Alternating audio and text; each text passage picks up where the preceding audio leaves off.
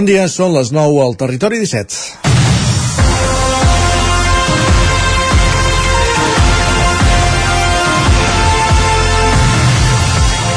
Amb un pantà de sau per sota de l'11,5% de la seva capacitat i sense la previsió de pluges que reverteixin la situació, el govern ha anunciat que el sistema Ter Llobregat entrarà en fase d'emergència segurament al mes de gener.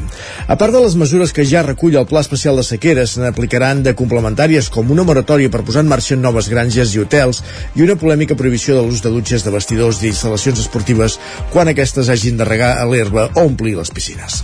En canvi, es permetrà el rec de l'arbrat municipal per evitar que aquest es mori i també el manteniment de piscines d'ús públic o esportiu i de camps de futbol. Es reduirà el cabal ambiental del riu Ter, així com el del Llobregat i la Muga. Això farà, farà que es pugui allargar l'aigua que hi ha als embassaments. La situació és greu i el govern es planteja tots els escenaris possibles, fins i tot haver de portar aigua en vaixells malgrat l'elevat cost que això suposaria. Aquesta sequera excepcional que estem vivint els darrers mesos i que comença a tenir un impacte directe a les nostres vides és una de les conseqüències més evidents del canvi climàtic. Precisament eh, la setmana passada, la COP28, la cimera del clima que se celebrava a Dubai, va tancar un acord inèdit. Per primera vegada fa referència a l'ús de combustibles fòssils. Les paraules exactes en aquest tipus d'acord acaben sent importants del document firmat pels gairebé 200 països que hi són presents, diu que acorden impulsar una transició per deixar enrere el petroli, el gas i el carbó de cara al 2050. L'acord final és un terme mitjà entre l'esborrany inicial que proposava només reduir-ne l'ús i abandonar-lo definitivament, que era l'esperança dels més optimistes. És més difícil arribar a posicions de màxims en una cimera on conflueixen des dels països menys desenvolupats, que gairebé no contaminen, però pateixen més que ningú els efectes del canvi climàtic, fins als que basen la seva economia en la producció i exportació de combustibles fòssils. Ara caldrà concretar quines mesures s'adopten per fer aquesta transició. Per les conseqüències que ja podem palpar del canvi climàtic, al nostre dia a dia anem tard, molt tard. És dimarts 19 de desembre de 2023, en el moment de començar el Territori 17, a la sintonia de la veu de Sant Joan, on Codinenca, Ràdio Cardedeu, Ràdio Vic, el 9 FM, i també ens podeu veure, com cada dia, ja ho sabeu, a través de Twitch, YouTube, Televisió de Cardedeu, el 9 TV i la xarxa més. Territori 17.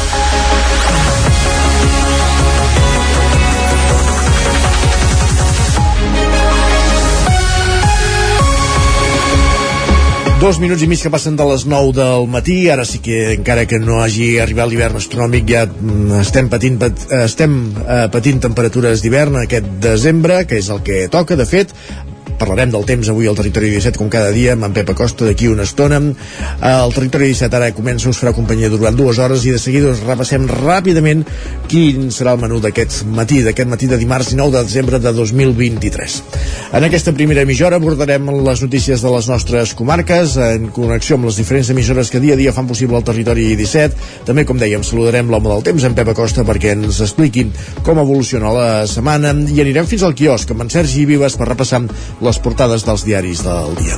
A partir de dos quarts de deu pugem al tren a la Trenc d'Alba amb l'Isaac Muntades recollint les cròniques dels oferts usuaris de la línia de tren Barcelona-Granollers-Vic Ripoll-Puigcerdà, el nostre tren de cada dia, aquella línia que ara mateix està tallada per obres en un tram entre Parets i la Garriga per les obres de, de desdoblament, les anhelades obres de desdoblament, però que com no podia ser d'altra manera també porten mal de caps dia sí dia també.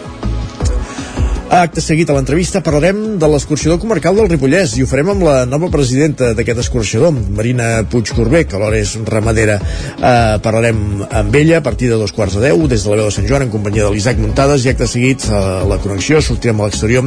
Avui ens anirem fins a una fàbrica de xocolata, així com aquella pel·lícula eh, que va fer les delícies de més d'un ja fa alguna dècada. Doncs avui, però, el xocolater és en Lluc Cruselles. Amb ell hi haurà el nostre company Miquel Giol per parlar de la seva nova marca de xocolata que fa unes setmanes ha obert una botiga i fàbrica a Vic. Des d'allà farem la connexió, a les 10 notícies, la previsió del temps i avui, com cada dimarts, a partir d'un quart d'onze, secció d'Economia amb en Joan Carles Arredondo, el cap d'Economia del 9-9 del Vallès Oriental per parlar de les dades territorials del PIB que comunicava aquesta mateixa setmana l'Institut Nacional d'Estadística i que ja ha tingut interpretacions perverses per alguns diaris de Madrid i posarem el focus i intentarem treure aquesta perversió de, de les dades per veure quina és la, la situació de, del moment amb aquestes dades del PIB fent la comparativa entre Catalunya i Madrid. I a partir de dos quarts d'onze del matí ens endinsem a X, a Twitter, com cada dia, amb en Guillem Sánchez, en repassant les pilades més destacades de les darreres hores per acabar el programa amb el racó de pensar, el podcast El racó de pensar de la Maria López des de Ràdio Televisió Cardedeu i avui sota el títol Robots contra la soledat.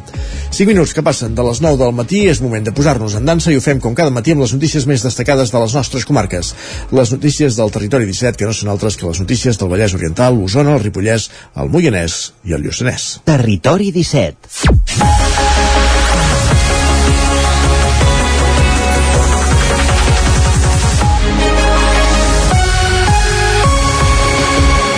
Tothom a punt anem cap al Ripollès, la casa de Calbranques de Can de Bànol ja pertany a l'Ajuntament després de l'expropiació. Isaac Muntades, la veu de Sant Joan.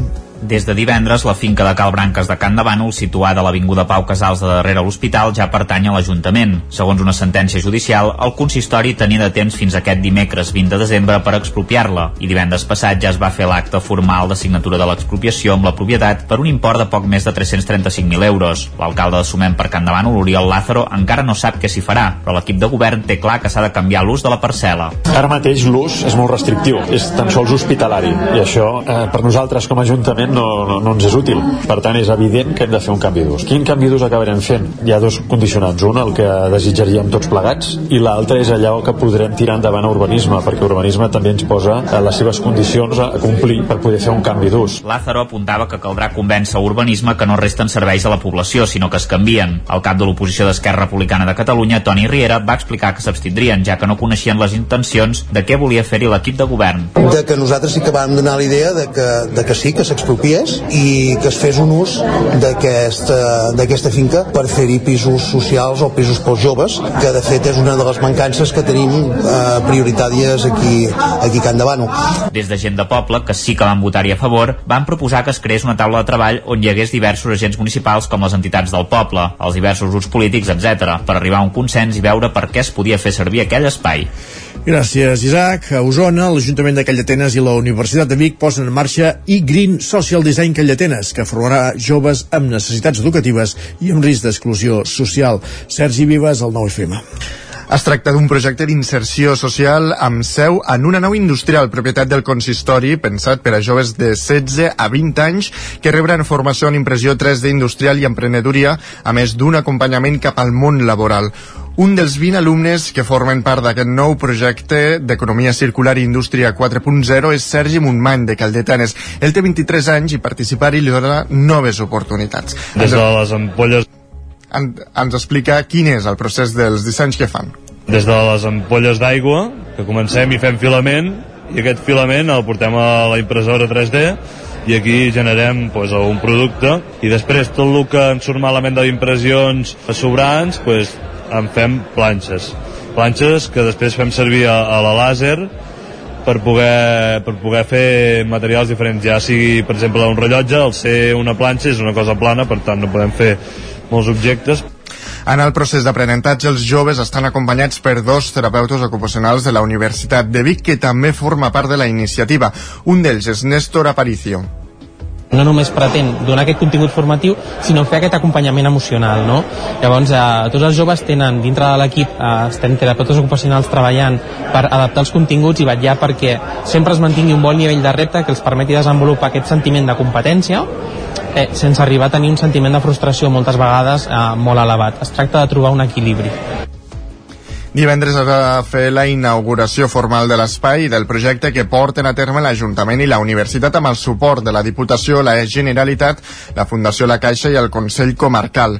L'objectiu, un cop finalitzada la formació, és, a banda de donar sortida als productes, que dos dels alumnes es quedin com a monitors dels futurs usuaris, mentre que als altres se'ls farà un acompanyament cap al mercat laboral.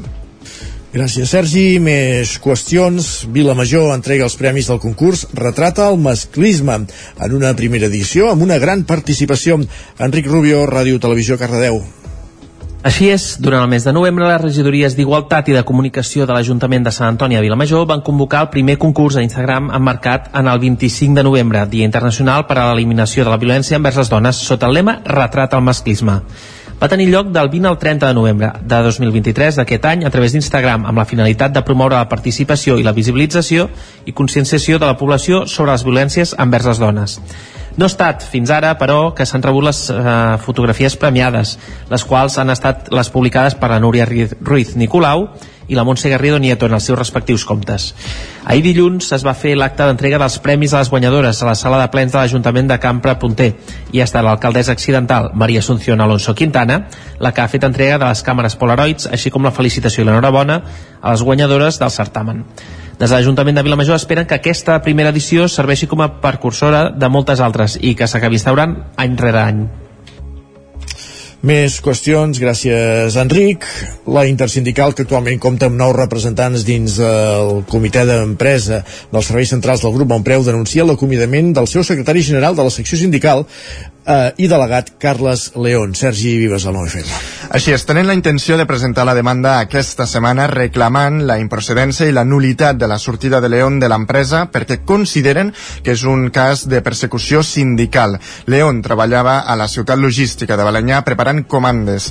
Des del grup Bonpreu asseguren que l'acomiadament respon a l'aplicació del règim sancionador intern per incompliment de la normativa, qualificant aquestes faltes com a molt greus i neguen que hi hagi hagut persecució sindical. Afirmen que la transgressió dels valors bon preu, entre els quals l'honestedat i la confiança, és inadmissible. Des de la, la intersindical asseguren que la UGT i comissions obreres, que tenen majoria al comitè, no els donen suport i acusen l'empresa de posar pals a les rodes a la seva activitat com a sindicat. Pau Cruz és l'advocat de la intersindical. El que és el marc de les sancions laborals que poden anar des de l'amonestació verbal passant per la suspensió de feina fins l'acomiadament, l'acomiadament és la sanció més greu, és, és la, la sanció més violenta dins del que és eh, l'àmbit laboral. Llavors, entenem que si s'ha produït directament doncs, aquest acomiadament sense que existís abans doncs, cap sanció prèvia és precisament perquè el motiu real no és la desconfiança, no és la deslleialtat, no és que existeixi cap frau, sinó que el motiu real és que hi ha una activitat sindical doncs, que molesta l'empresa i que ha d'aturar-se i ha de represaliar-se. Al novembre de 2022, la Intersindical ja va denunciar quatre acomiadaments que, segons el mateix sindicat, es va acabar determinant que eren improcedents. Demà començaran una sèrie de mobilitzacions amb una concentració a l'esclat de Malla. Més de 6.000 persones, canviem de qüestió, han passat aquest cap de setmana per la primera edició de la Fireta de la Pilarín, que divendres de diumenge de divendres a diumenge ha omplert el centre cívic Joan Triadú de Vic. Després d'obrir els últims dos anys les portes del seu estudi, que és casa seva, per Nadal, amics i coneguts, Pilarín Vallès va tenir la idea de fer en un futur una fira que permetés reunir a molta més gent. Una idea que s'ha fet realitat aquest cap de setmana al centre cívic Joan Triadú, per on de divendres a diumenge van passar més de 6.000 persones. Això ho explica la mateixa Pilarín. Fa dos anys vàrem fer una fireta, però quasi en broma, a casa, i no hi cabien a casa, no ens hi cabia la gent a casa. I vàrem dir que l'havíem de fer en un lloc que la gent estés ampla, que la gent estem bé.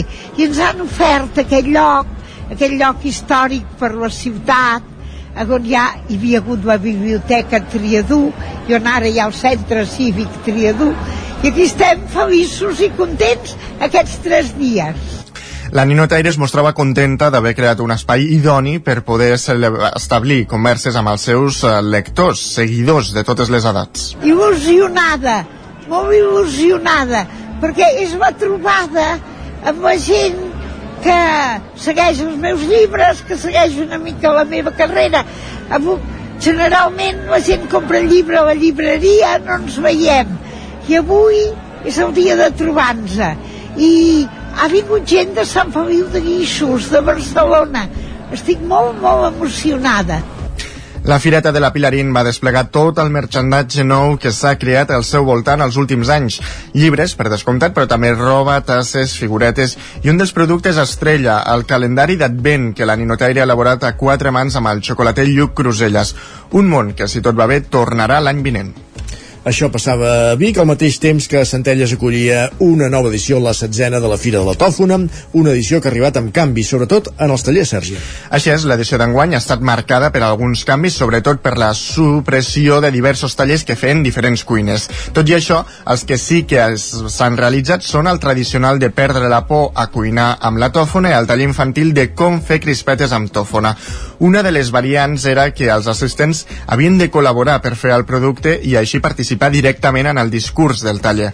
En parlen el regidor de Promoció Econòmica, Josep Arissa, i l'alcalde Josep Paré. Tallers que fèiem xerrades i tallers de cuiners i això els hem passat a fer, que també són de cuiners, eh? però els hem passat a fer més participatius. Prendre i donar a conèixer la, la tòfona, per això els tallers, per això també aquesta difusió de, de trencar el mite de que no és un producte car, sinó és que en poques quantitats et surt econòmicament assumible i en canvi pots aconseguir uns, uns plats molt preuats, eh, especialment amb aquestes dates que estem, o amb els propers dies doncs, que la tòfona és quan està més, més fresca i bona un producte que es va poder degustar amb un esmorzar de forquilla, l'acte estrella de la fira amb més d'un centenar d'inscrits. El plats, els uh, plats anaven a càrrec de Pau Guitera, Cesc Molera i Jordi Parareda en la primera jornada i d'Osona Cuina en la segona. També es va fer el desè concurs de gossos tofonaires amb la victòria de Raül de la Morena, qui participava amb un gos creuat. El guanyador explica com entrena l'animal. Bueno, la entreno amb tòfona, amb tòfona fresca i, fem jocs. I de petita ja la vaig... Entre... Bueno, té dos anys ara, però de més petita pues, era una mica una, fer una activitat més... Nosaltres no, no tenim plantació, però anem a alguna plantació i busquem silvestre, per m'agrada la muntanya i intentem buscar. Però important jugar amb la tòfona i que sigui un joc. Al final de tot és que sigui un joc. Al mercat la tòfona que es venia anava al voltant dels 1.300 euros al quilo. Tot i que la d'aquest any no ha sigut una bona temporada, des de l'organització han quedat satisfets amb aquesta setzena edició i asseguren que els canvis han sigut ben acollits. De fet, encara és d'hora per parlar de, de tòfona perquè amb el canvi climàtic, eh, de fet ja fa anys que els tofonaires apunten que la tòfona bona es cull cap a gener-febrer. Ara encara són verdes, que suposo que és el que es trobava qui volia comprar a Centelles aquest cap de setmana. I el Mollerne i el Moianès, durant aquestes festes de Nadal, les associacions de passebristes de Mollà i Castellterçol presenten el, les tradicionals exposicions de diorames. Roger Rams, zona codinenca. Sí, exacte, a Castellterçol la tradició està més que consolidada i és que l'agrupació de passebristes suma ja 79 anys d'història confeccionant pessebres de taula i també diorames. Tenen la seu a les antigues escoles on s'hi pot veure la seva exposició ja inaugurada fins al 28 de gener. La seva presidenta, Agustina Carbonés, ens explica que a l'exposició s'hi poden veure una trentena de pessebres d'estils molt variats. Una de les característiques de la nostra exposició, i tothom ho valora moltíssim com a positiu, és que hi ha una gran diversitat d'estils, de, de maneres de fer el pessebre.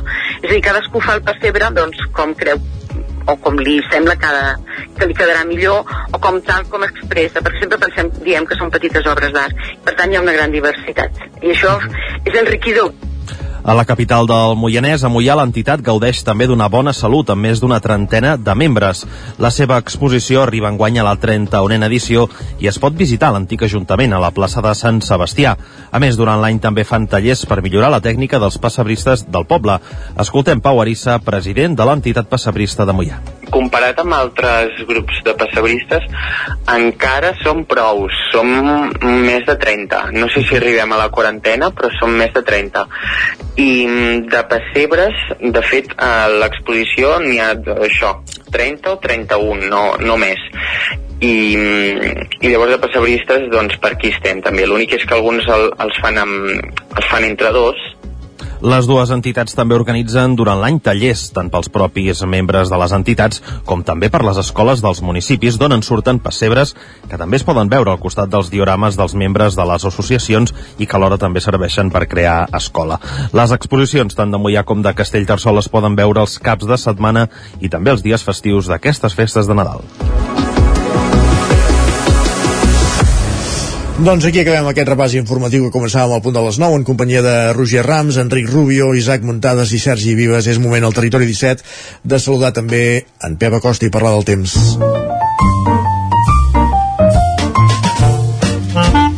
Casa Terradellos us ofereix el temps. I ja ho tornem cap a una codinenca. Pep Acosta, benvingut de nou, bon dia. Hola, molt bon dia. Com estàs? Ja estem aquí a l'Espai del Temps eh, continuem amb aquest eh, final de tardor anticiclònic. Continuem amb aquesta enorme sequera. No es preveu cap pluja per enlloc. Eh, continuem amb aquest any 2023 completament negre pel que fa al temps. Acabarà l'any sens dubte eh, com un dels més càlids des de que hi ha registres, sempre dic això, eh, des de que hi ha registres i també dels més secs sense... des de que hi hagi registres, eh, sempre diem això, eh, des de que existeixen registres, que és molt important aquest matís. Uh, uh, aquest anticicló és enorme, uh, enorme, està molt a prop nostre, uh, gairebé domina tota Europa i, uh, a més, unes altres precisions uh, molt importants.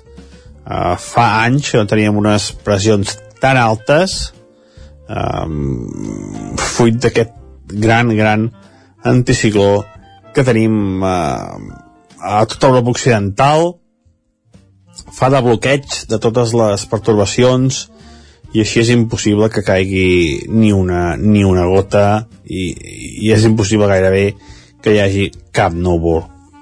Um, tornem a llevar-nos amb inversió tèrmica, molta, molt més fred a les valls, a les parts enclotades, que no pas a, a les muntanyes, a les zones mitges i altes de, del nostre país. Mínimes negatives cap a la plana del Vallès, cap a, cap a la plana d'Osona, eh, i temperatures positives a les parts més altes de les nostres muntanyes. Eh, això és típic de l'anticicló, eh, una situació que, que bueno, que ja no, no, no s'aguanta per enlloc i que es va repetint dia rere dia. Mm, cap novetat avui, les zones de boira una mica més de fred, lògicament, si, si no, sense, el sol no pot fer augmentar temperatura, i a la zona sense boira, avui temperatures encara una mica més altes, més, eh, més de 15 graus en bastantes poblacions de les nostres comarques. Eh, contrast tèrmic molt marcat, eh, mínimes baixes i màximes bastant suaus, eh, una diferència tèrmica molt important entre dia i la nit, eh, no hi ha cap canvi a la vista, tampoc els pròxims dies, i diria hasta les pròximes setmanes, eh? vull dir que ja veieu quina situació tan i tan catastròfica la que tenim a sobre. Um, continuem amb, amb aquesta situació, uh, poca neu, uh, cursos fluvials pobríssims i uns registres que a final d'any, que és d'aquí quatre dies, veureu que són molt i molt deplorables. I bueno, això és tot. Demà... Demà continuem. Aviam si hi ha es veu algun canvi en algun moment, però de moment no, no, no pinta gens, gens que hi hagi cap canvi. Adeu! Fins ara, Pep, de fet no, no cal esperar finals d'any per fer balanç perquè portem un parell d'anys que la cosa és uh, digna d'estudi i, i això, ja ho anem veient cada dia que, que trobem a faltar aigua, que no plou, eh, que baixen el nivell dels rius i pantans, que no hi ha neu a la muntanya, com dius, no deslassa. I en fi, i anem per al tercer any que, que serà així. I en segona hora veiem com la cosa reverteix i ho podem explicar. Pep, va, nosaltres ara el que fem és anar cap al quiosc. Casa Tarradellas us ha ofert aquest espai. 4 minuts i mig, no, algun més, eh? 6 minuts i mig perquè siguin ara mateix dos quarts de 10 del matí. Territori. I anem, com dèiem, cap al quiosc, que és moment de saludar en Sergi Vives de nou per repassar quines són les portades dels diaris del matí. Sergi, per on comencem avui? Així és, doncs comencem pel punt avui que encapça la portada amb el titular Més joves sense llar. Diuen que les entitats que tenen persones sense llar alerten que baixa la mitjana d'edat dels usuaris. Diuen que abans de la pandèmia l'edat mitjana de les joves al centre A6 era de 28 anys, ara de 23. També alerten de l'alt risc de pobresa infantil en 19 municipis catalans. El periòdico eh, diu que l'atur baixa i el consum puja a les províncies premiades amb el Gordo. Expliquen que un informe del Banc d'Espanya remarca que els premis de la Loteria de Nadal estimulen l'activitat econòmica sota l'efecte d'un optimisme contagiós. Diuen que el comerç preveu un desembre de vendes molt bones. La Vanguardia diu que els Estats Units crea una flota internacional per protegir el trànsit de, pel Mar Roig. Expliquen que Espanya participarà juntament amb nou països més en la coalició mentre els nolis marítims pugen un 10% en 7 dies. I dos titulars més. El primer, L'Hospital Clínic crea l'Institut del Càncer per ser líder en oncologia i el segon diuen que des de l'1 de gener Educació donarà l'alta laboral als becaris de la formació professional pública. I l'Ara diu, eh, destaca que Salut reorganitza el servei pediàtric dels CAPs. Expliquen que el govern crearà 79 equips territorials de referència per cobrir baixes i evitar desplaçaments. Diuen que la majoria dels especialistes prefereixen treballar als hospitals abans que a l'atenció primària. I anem a repassar ara a premsa espanyola. El País diu que el papa aprova que l'Església beneeixi a les parelles homosexuals. Diu que Francesc dona el, aquest pas transcendent per l'acceptació de les unions de gais i lesbianes, però aclara que en cap cas s'equiparen al matrimoni. L'ABC diu que el Consell d'Europa examinarà d'urgència l'amnistia al procés. Expliquen que l'informe de la Comissió de Venècia estarà llest abans que el Congrés aprovi la llei, tot i que al gener s'habilitaran dies per agilitzar la seva tramitació. El Mundo diu que Sánchez revoluciona exteriors per intentar blindar l'amnistia expliquen que Ángeles Moreno, la número 2 del Bares, que va defensar el perdó a Estrasburg, serà l'ambaixadora als Estats Units. Diuen que Fernando San Pedro, ex, ex del gabinet de von der Leyen a Brussel·les, serà el secretari d'Estat per la Unió Europea i també eleva a Pasqual Navarro, exsecretari d'Estat, a Berlín, mentre el ministre dissenya un equip d'alt perfil polític. I acabem amb la raó que diu que el, paper, el PP exigeix cessar el navajeo en la cita Feijó Sánchez expliquen que Semper senyala que el Partit Socialista busca desviar l'atenció davant l'amnistia i el pacte amb Bildu. Repassem ràpidament digitals, l'edició d'Osona i el Ripollès i el Lluçanès del 99.cat. Ens expliquen que l'Ost es gasta 70.000 euros mensuals per les cisternes d'aigua. I a l'edició del Vallès Oriental? Doncs que Salut suma 3 metges al cap de Cardedeu, però la plataforma ho troba insuficient. Fem una pausa i tornem. Gràcies, Sergi. A tu.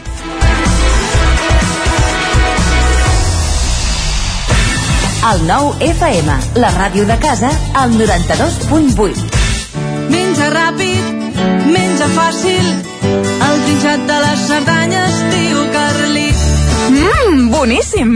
Trinxat Carlit, 100% natural, fet cada dia a Puigcerdà i a punt en un minut. Encara et preguntes què t'emportaràs a la feina o a la uni per dinar? El trinxat de les Cerdanyes diu Carlit. Situat en un entorn immillorable, envoltat de natura, a l'hostal restaurant La Guineu tenim la brasa encesa tot el dia per esmorzar, dinar o sopar a la fresca. Ja tenim a punt les opcions de menús d'empresa i per les festes de Nadal, Sant Esteve o Cap d'Any. Estem especialitzats en opcions vegetarianes. Hostal La Guineu. Ens trobareu a l'urbanització Les Guilleries de Viladrau. Obrim tots els dies. Amb Pradell estalvio energia i cuido la meva butxaca i el medi ambient. Posa't en mans de Pradell. Són experts en calderes de gas de condensació, estufes de pèl·let, energia solar, terres radiants i aerotèrmia. Pradell instal·la aires condicionats amb bombes de calor per a particulars i empreses. Si vols estalviar un 50% en consum, contacta amb Pradell i passa't a les energies renovables. Pradell. Som a l'Avinguda dels Països Catalans 27 de Vic. Telèfon 93 885 1197. Pradell.cat Pradell us desitja bones festes. Per a qui seria perfecte aquest piano de juguetos? Per a nens que donin la nota. I aquest maletí de pintura? Pels que volen pintar alguna cosa a la vida. Jugar és viure. I viure és jugar. Vine a la teva botiga Juguetos i emporta't el catàleg de Nadal. Juguetos. Queda molt per jugar. Juguetos.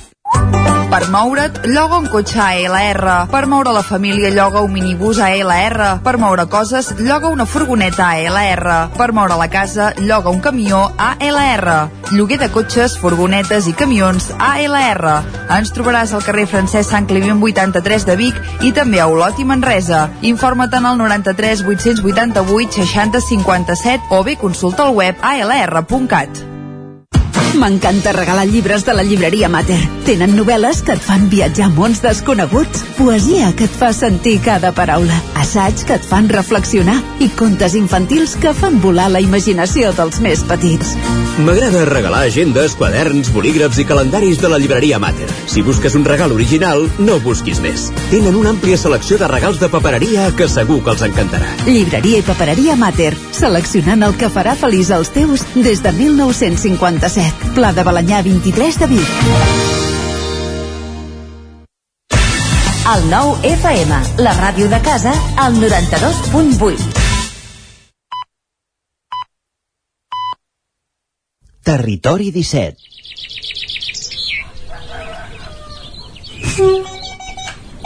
A Tren d'Alba.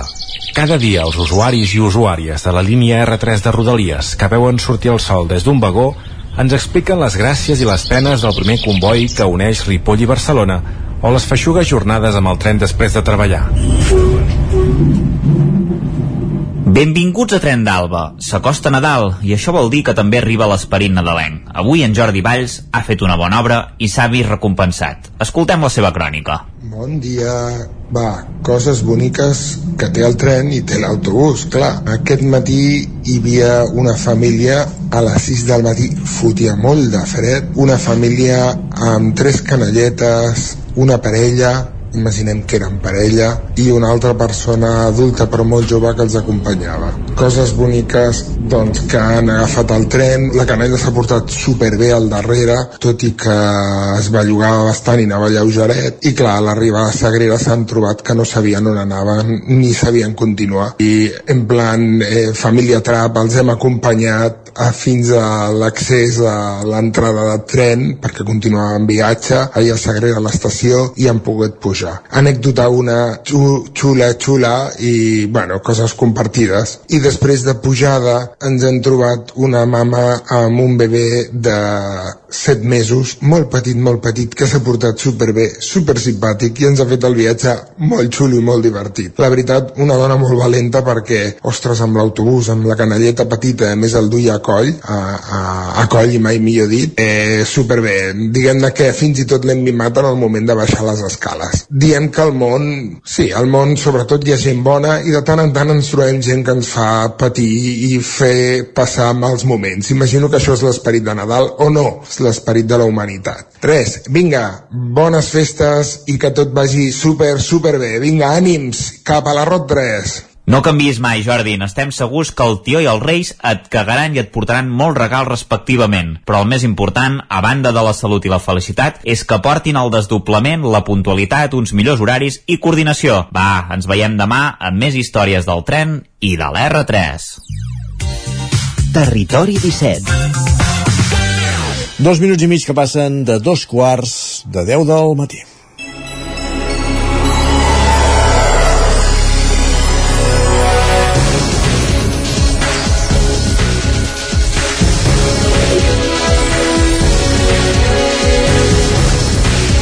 Des de finals del mes d'octubre, la ramadera del Mas al Lledrer de les Llosses i regidora de l'Ajuntament d'aquest municipi Ripollès, Marina Puigcorbé, és la nova presidenta de l'excursió de comarcal del Ripollès després d'agafar-li el relleu a Manoli Vega. El seu mandat té molts fronts oberts i reptes per assolir. Isaac Muntades des de la veu de Sant Joan. Bon dia, Isaac. Sí, avui tenim amb nosaltres, com deies, a la Marina Puigcorbé, que és la presidenta de l'excursió comarcal del, del Ripollès, perquè ens aporti llum sobre el futur d'aquest equipament tan important i que ha sortit eh, darrerament moltes vegades als mitjans de, de comunicació. És una infraestructura molt important per la comarca, com dèiem. Bon dia, Marina, i moltes gràcies per ser al Territori 17 amb nosaltres. Hola, bon dia. Ah, per començar, Marina, no sé quina importància li dones al fet que aquest càrrec l'ocupi una persona del sector ramader, perquè fins ara no era, no era així, segurament no, no és el més habitual a vegades, uh, hi ha perfils polítics que, que se sobreposen a, en aquests uh, projectes, no, no sé com, com ho valores això. Uh, bé, de fet, clar, a mi jo ara mateix estic també de representant a l'Ajuntament de les Llosses, és a dir, jo porto des del 2007 una mica ficada amb el tema de, de, entre cometes, les institucions i aquesta vegada m'ho van demanar i crec que, que era, potser em, van veure a mi el perfil de la persona que mentre cometres, podria defensar l'escorxador com a tal, no? Primera perquè en sóc usuària i segona perquè eh, crec fermament en aquest projecte i crec que la comarca el necessita. És una infraestructura essencial a la comarca. Uh -huh. Com a infraestructura essencial, eh, en els darrers mesos, anys, hem sentit parlar d'aquesta inversió que fa falta de prop d'un milió d'euros per posar l'escorxador al dia. Eh, com està eh, aquest finançament? Eh, arri arribarà? Hi ha un calendari? Quina és la situació actual? Uh, doncs bé, encara estem esperant resposta des d'Europa. Uh, tots sabem que l'escorxador doncs, té un... és un ens, diguéssim, públic-privat, per tant, uh, estem esperant a veure si podem entrar en aquesta subvenció europea. Evidentment, doncs, eh, l'esperem que la resposta sigui afirmativa. Eh, si més no, tenim ja una part eh, que sembla ser que la Diputació de, de Girona ens ha eh, subvencionat, però clar, és una part petita. La part important és la part que ve d'Europa i llavors estem a les expectatives. Eh, semblava ser que ara a final d'any ja sabíem alguna cosa, però encara no, no sabem res. Uh -huh. El departament eh, també em sembla que hi havia posat el, algun tipus de diners, oi, Marina? Em sembla que també en el seu moment eh, des d'Agricultura s'hi havia posat eh, alguna cosa, no? També? O? Uh, bueno, el departament ara estem esperant. Si aquesta subvenció d'Europa doncs, és afirmativa, uh, serà un pas si en el cas que ens diguin que no, perquè, bueno, doncs això, eh, el ser una, una, un, un, una, infraestructura, una infraestructura que té un tipus de govern públic o privat, Uh, pot ser que això ens dificulti una mica l'accés a aquesta subvenció. Uh, si més no, el departament hi és a darrere i ens ha confirmat que si no hi ha la possibilitat d'aquesta subvenció a nivell europeu, doncs uh, que podem mirar de trobar una, alguna modalitat que ens pugui uh, ajudar a nivell de subvencions a petits escorxadors. -hmm. Sempre es parla, Marina, d'això que dèiem, eh, d'aquest milió d'euros que necessita l'escorxador. Per què calen aquests diners? Com, com milloran les instal·lacions de l'escorxador amb l'arribada d'aquesta injecció econòmica? Que, o sigui, què transformarà? A veure, uh, la, la funció de l'escorxador continuarà sent la mateixa, el que passa que ens hem d'adaptar. Ens hem d'adaptar a les noves mesures sanitàries, és a dir, per una banda, per exemple, hem de tenir uh, més càmeres frigorífiques, que és el que bàsicament fa pujar uh, la, la, la subvenció. Per altra banda, tot el que són les guies de trasllat de les canals d'un punt a l'altre de l'escorxador, doncs també s'han de fer nou. S'ha de fer nou tota la maquinària, que també uh, uh, estem, diguéssim, en un moment que hem de mirar una mica també què és el que necessitem. És a dir, nosaltres no volem fer que aquest escorxador sigui un escorxador gran, sinó un escorxador que doni un servei correcte, adient als usuaris que hi ha ara mateix, que puguem incorporar nous usuaris i que eh, empreses que ja són una mica grans a la comarca també en puguin fer ús. Eh, ara mateix no en poden fer ús perquè el no tenir les infraestructures eh, i, la, i la, diguéssim, i donar resposta sanitària al que demanen les grans uh, superfícies, eh, és a dir, els ISOs, bàsicament, els certificats ISOs, eh, nosaltres ara mateix doncs, eh, no podem donar-los aquest servei. El que seria interessant seria tornar-les a recuperar. Uh -huh. Uh -huh. Uh, quines són, uh, diguéssim, uh, parlem de posar-lo al dia, ara ens parlaves de, de la inversió que caldria fer, de quins són els, els espais que, que cal millorar. No sé si actualment es compleixen tots els, els requisits sanitaris, diguéssim, per poder dur a terme l'activitat. Uh, és a dir, sí que es compleixen, es compleixen, diguéssim, és a dir, jo sempre defenso eh, que es posa el mateix sac tant els petits com els grans escorxadors. Val? Què passa? Que els petits escorxadors, la inversió que s'hi ha de fer eh, és important i moltes vegades no la tenim, aquesta inversió. Eh, llavors, sanitàriament, evidentment, si no aquest escorxador seria tancat. El que passa que, per exemple, en tema de si un usuari eh, vol vendre a gran superfície es demanen unes acreditacions que ara mateix, tal i com funciona l'escorxador avui en dia, no les podem donar. Per tant, eh, aquest usuari no pot fer ús d'aquest escorxador. Clar, el que ens interessa és tenir-ho tot el dia. Això sí, ens posen, fan posar el dia tant si som un petit escorxador com si som un gran escorxador. Vull dir, una, una mica... Eh, també ens queixem d'això, eh, de dir, ostres, eh, nosaltres volem continuar sent un escorxador petit per donar servei a la petita ramaderia de la comarca, però també creiem que donant servei, eh, bàsicament és una gran empresa que tenim a la comarca, doncs podríem donar resposta a aquesta petita ramaderia que també ho necessita. De fet, són importants aquests escorxadors de, de baixa capacitat, com el, com el del Ripollès, eh, vist ara des de la vessant d'aquí a Osona, amb la problemàtica de l'escorxador de Manlleu i, i, tota, i, i tots els ramaders que, que implica que hi ha al darrere, ramaders i, i carnissers, doncs és important poder mantenir aquest tipus de serveis per, per mantenir aquesta activitat al territori, sobretot, no, Marina? Exacte. Ara mateix l'escorxador està donant servei a 90 explotacions a la comarca i a 30 de fora. Uh, penseu que sense l'escorxador moltes d'aquestes explotacions uh, no tindrien resposta bàsicament perquè perquè són pocs animals que es porten a, a sacrificar uh, per tant els escorxadors grans no els interessa. Uh, no hi ha escorxadors petits propers és a dir, estem parlant d'escorxadors que probablement els trobem a la Garrotxa o, al Moianès. Per tant ja seria uh, una despesa en desplaçament totalment innecessària i moltes d'aquestes explotacions es veurien uh, abocades al tancament si no hi hagués la, uh, aquest escorxador. Uh, la ramaderia està molt bé um, en el moment en què és uh, eh, econòmicament rendible, és a dir, les, els ramaders ens, eh, ens guanyem la vida venint el nostre bestiar, per tant, si ja no tenim aquest suport amb l'escorxador, doncs, evidentment, doncs, no fa falta que continuem l'activitat. Qui bestiar s'hi sacrifica a, a Ripoll? Uh, Ripoll és multiespècie i tenim porcs, uh, vedells, uh, xais, cabrits i llavors també cavalls. Per tant, és un escorxador multiespècie. Mm. Per això és interessant, diguéssim, continuar mantenint totes les línies per tal de donar resposta a tothom. No sé quants exemplars es van matar, per exemple, l'any passat, Maria, no sé si teniu més o menys les dades i sobretot quins, quins són els que més es maten. Eh? Comentaves això que és multiespècie, entenc que hi ha una de les espècies que en principi suposo que, que es mata més, algunes que es maten menys i que, i que es dona més servei. No sé com, com està si teniu controlades aquestes dades. Sí, hi ha les dades, ara mateix jo ara de, de memòria no, no ho sé exactament. Uh, sé que any rere any per això sí que hi ha hagut una davallada eh, en el sacrifici perquè evidentment doncs, uh, um, moltes vegades doncs, no s'ha pogut donar resposta a tothom i llavors ara per això de fet es vol fer la, la inversió. Ara mateix uh, t'ho diré així una mica de per enllà, eh? l'espècie potser que més se sacrifica ara mateix, uh, si no m'equivoco és uh, l'espècie de la ovina, el xais, Uh, també hi ha un bon nombre de vedells i llavors ara mateix el que ens ha baixat bastant més és el tema dels porcs. Recordem que a la comarca només hi ha dues explotacions uh, que feien cicle tancat de porcs i per tant la resta venen de fora. I algunes d'elles doncs, uh, han anat uh, a matar fora també per l'increment de, dels preus uh, de l'escorxador, que això també ens ha, diguéssim, perjudicat amb el tema de la, la pujada de les energies. Uh -huh. uh, precisament ara que dius això et volia comentar això eh? Uh, ja ho has avançat abans eh? que hi ha ramaders que estan marxant a matar, a matar fora clar, que els hi suposa això perquè però, uh, o sigui, també deu ser un problema perquè ells també han de traslladar els animals per tant suposo que també han de fer una despesa més important en, transport a l'hora de, de portar-los uh, sobta no? que fins i tot hagin de marxar perquè aquí ha augmentat el preu d'alguna manera?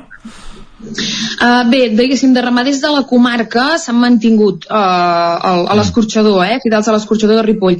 Què passa? Que quan ens trobem, per exemple, amb escorxadors propers, més grossos, uh, que evidentment poden oferir un preu molt més econòmic, uh, doncs alguns ramaders, sobretot de fora, eh, són ramaders que teníem, mm. diguéssim, uh, el, el que és el Bisaure, el, uh, cap al Lluçanès, que, mm, clar, que han fet doncs, buscar altres alternatives amb el preu. Uh, Um, llavors, clar, nosaltres hem de tornar a ser competitius una mica amb, amb el tema preus per tal de poder, doncs, eh, diguéssim, donar un bon servei i, evidentment, doncs, no serem eh, els més barats, però intentem, doncs, eh, donar el servei que demana el client. Jo penso que com a, com a ramadera i a la vegada nosaltres també eh, a casa acabem fent l'elaboració del bestial que busques és un bon servei, que les canals surtin de la manera més eh, correctes possible eh, per tal de que tu doncs, eh, la teva feina sigui bàsicament desfer eh, tant si parlem de ramader com si parlem de, de carnisser. -huh. Ara tornem un parell d'anys enrere quan es va fer el toc d'atenció als ajuntaments de, de la comarca perquè s'impliquessin eh, va semblar que tots responien tret de, de dos per, per els seus motius que en el seu moment ja es van esgrimint ara mateix eh, so, és això 17 dels 19 ajuntaments de la comarca són socis d'aquest escorxador i, i, i una mica eh, no sé eh, quina aportació econòmica hi fan i quina és la, la situació bueno, i, i una mica diguéssim quina és la situació ara mateix a nivell d'estructura, de, diguéssim, de l'escorxador. Val, ara mateix, diguéssim, estem a pocs dies eh, de ja de formalitzar l'entrada d'aquests ajuntaments com a nous socis. Eh, alguns ja ho eren i han fet una, han eh, incrementat la- l'aportació. Eh, l'aportació depèn en funció dels habitants de cada municipi. Eh, recordem que l'Ajuntament de Ripoll és el soci majoritari i llavors hi ha els ajuntaments que són més grans, Can Davano, Sant Joan, que són ajuntaments que fan una aportació més gran. Llavors també vull recordar que la, la, la comarca hi ha dos escorxadors, per tant, clar, eh, tinguéssim la, tenim l'Ajuntament de l'escorxador, perdó, de, de Camprodon, que dona servei bàsicament doncs, tota la vall de Camprodon eh, i llavors hi ha el de Ripoll. Eh, hem de mirar que és decidit de ser-hi tots? Sí, sens dubte. Però també jo vull recordar que també s'ha de lluitar per l'escorxador de Camprodon perquè tant un com l'altre són serveis necessaris. Llavors, eh, això ara mateix estem a pocs dies i ha de formalitzar l'entrada d'aquests nous socis i llavors a partir d'aquí també esperant la resposta del que ens diguin de la subvenció que, que, estem a, que esperem de, des d'Europa doncs eh, de fet ja hem començat a moure papers amb el tema de la, de la inversió però clar, de moment no podem fer res més sense saber si um, eh, podem tenir o no aquests diners de, de, de la subvenció més gran Mhm. A, a banda, Marina, a part dels socis de, del Ripollès, també hem de dir que n'hi ha algun d'Osona, no? Vull dir que també és, és això que deies, eh? Que, que abans Sí, eh, hi havia ha. aquest problema, no? Que hi havia ramaders d'Osona que havien decidit apostar per, no, no els del Ripollès, com deies, que s'havien quedat, però també hi ha algun so... exacte, hi ha Vidrà, no? Com, com deies, que també hi participa, no? Sí, exacte. De fet, eh, bueno, eh, eh, Vidrà eh, és aquest eh, municipi que pertany a eh, comarca de Girona, ai, província de Girona, Comarca però eh, que sí, és, eh, eh, però clar, eh, tot el que seria el Bisaure doncs estan molt connectats amb el Ripollès, tot i haver en el seu moment canviat de, de comarca i ells, hi, eh, diguéssim, hi, hi segueixen apostant fermament també perquè a les explotacions doncs, els és molt més eh, fàcil, més proper poder venir a l'escorxador de, de Ripoll. I esperem que continuïn mantenint eh, la seva relació amb l'escorxador i la seva vinculació perquè recordem que estem en uns moments una mica complicats mm. eh, tant econòmicament, a nivell de, de rendiment de l'escorxador, eh, però jo crec que també eh, bueno, ara és el moment de donar-hi resposta. Jo penso que ara és el moment també que les institucions eh, si jo penso que ja ho han vist no? que, que realment necessitem aquesta infraestructura perquè és que si no a nivell ramader la comarca eh, ja se n'han tancat moltes explotacions doncs eh, aniríem seguint la resta Està clar. Hem donat dades de- d'aquest escorxador, per exemple, les dades de sacrifici. Quants treballadors hi treballen? Això, l'última dada que Ara demanem. mateix, sí, ara mateix diàriament eh, hi han dos eh, treballadors que seria neteja i el, el matarife, diguéssim.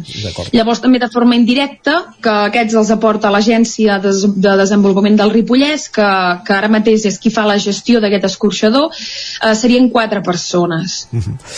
Marina Puigcorbé, ramadera, regidora de l'Ajuntament de les Llosses i ara també presidenta de, de l'escorxador del Ripollès. Moltíssimes gràcies per atendre'ns avui al Territori 17, per posar-nos al dia de com està aquesta infraestructura i esperem mica en mica anar rebent bones notícies a, al respecte, diguéssim. Per, Esperem que, per que us en puguem donar aviat. Així us desitgem. Gràcies doncs, per acompanyar-nos i que passis un bon dia. Gràcies a vosaltres, bon dia. Bon dia. Gràcies, Isaac, també un matí més per ser aquí a l'antena del Territori 17. Parlem d'aquí una estoneta. Bon dia a vosaltres. Fins ara.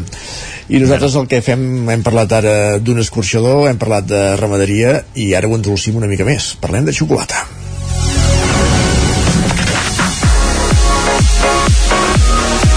Territori 17. 12 minuts i seran les 10 del matí.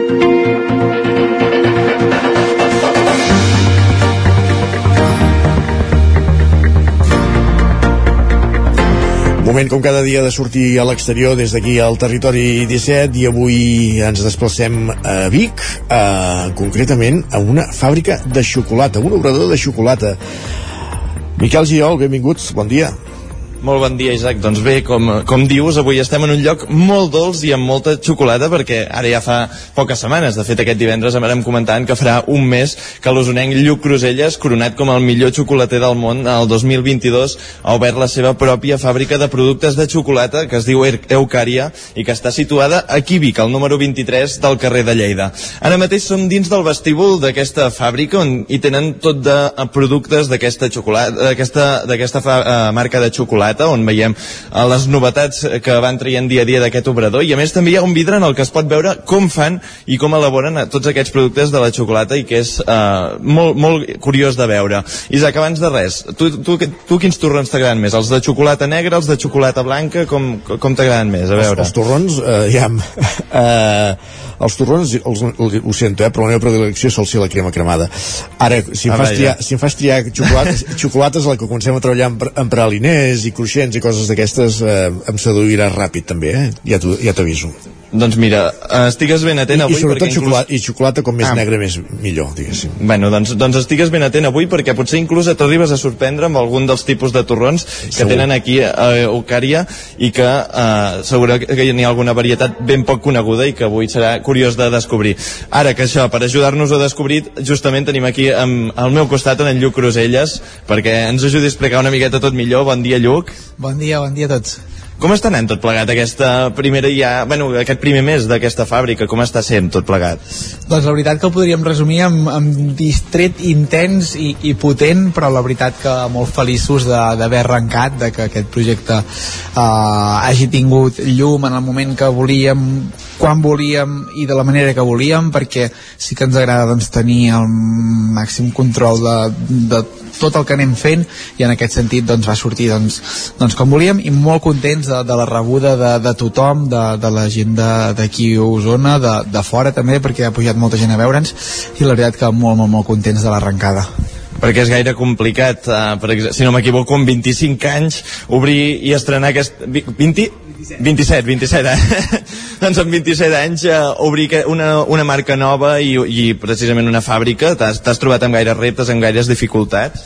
Bé, la veritat que sí que no és fàcil, no és fàcil començar un, un projecte, per sort eh, fer-ho de la mà de, de Pavic eh, i de Josep Novelles en aquest sentit, doncs um, ha estat ho ha facilitat molt, però sí que és veritat que al final doncs, et trobes a, a, entre bancs, però que al final es, es solventen, s'avança i en aquest sentit també estem molt contents de que tothom eh, qui ha format part d'aquest projecte, ja sigui des de eh, operaris, ja siguin empreses que, que subministraven tant material com el que sí, com l'obra, com la direcció d'obra, els enginyers, tothom s'ha volcat moltíssim perquè arribéssim a, a, al novembre a poder obrir i així ha set i la veritat que, que ens ha fet molt feliços. Que tothom ha sentit aquest projecte seu seu perquè al final ha set, ha set de tots i això s'ha construït també amb, amb un equip i hem arribat fins aquí amb un equip perquè és un gran salt passar de ser pastisser, bueno, que encara continua sent pastisser de fet, però obrir una marca eh, com és que vas decidir eh, jo, fer aquest salt i començar ja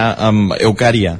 Bueno, al final creiem també, i parlo en plural, perquè en aquest sentit sí que, hi torno a dir, anem de, de la mà uh, amb, amb, amb Pàvic i, i amb en Josep en aquest sentit, uh, vam decidir de que després del World de Masters devíem alguna no? a, a, a la població no només eh, em podia quedar amb, amb el premi i ja està, sense res més sinó que, que devíem alguna i, i eh, tenia ganes de tornar-ho eh, a tothom en forma de producte, en forma de que poguessin disfrutar d'un espai, un espai que, que reflectís una mica la, la meva manera de ser, de, de, de voler uh, identificar el producte i, i veure també com es treballa, que per això aquest vidre que es veu l'obrador també, i era aquest objectiu de poder arribar a tothom amb el nostre producte, amb la nostra manera d'entendre la xocolata i, i de treballar-la perquè inclús arribeu a tothom amb col·laboracions amb obres, bueno, amb, amb, amb entitats solidàries, no? Em comentaves abans?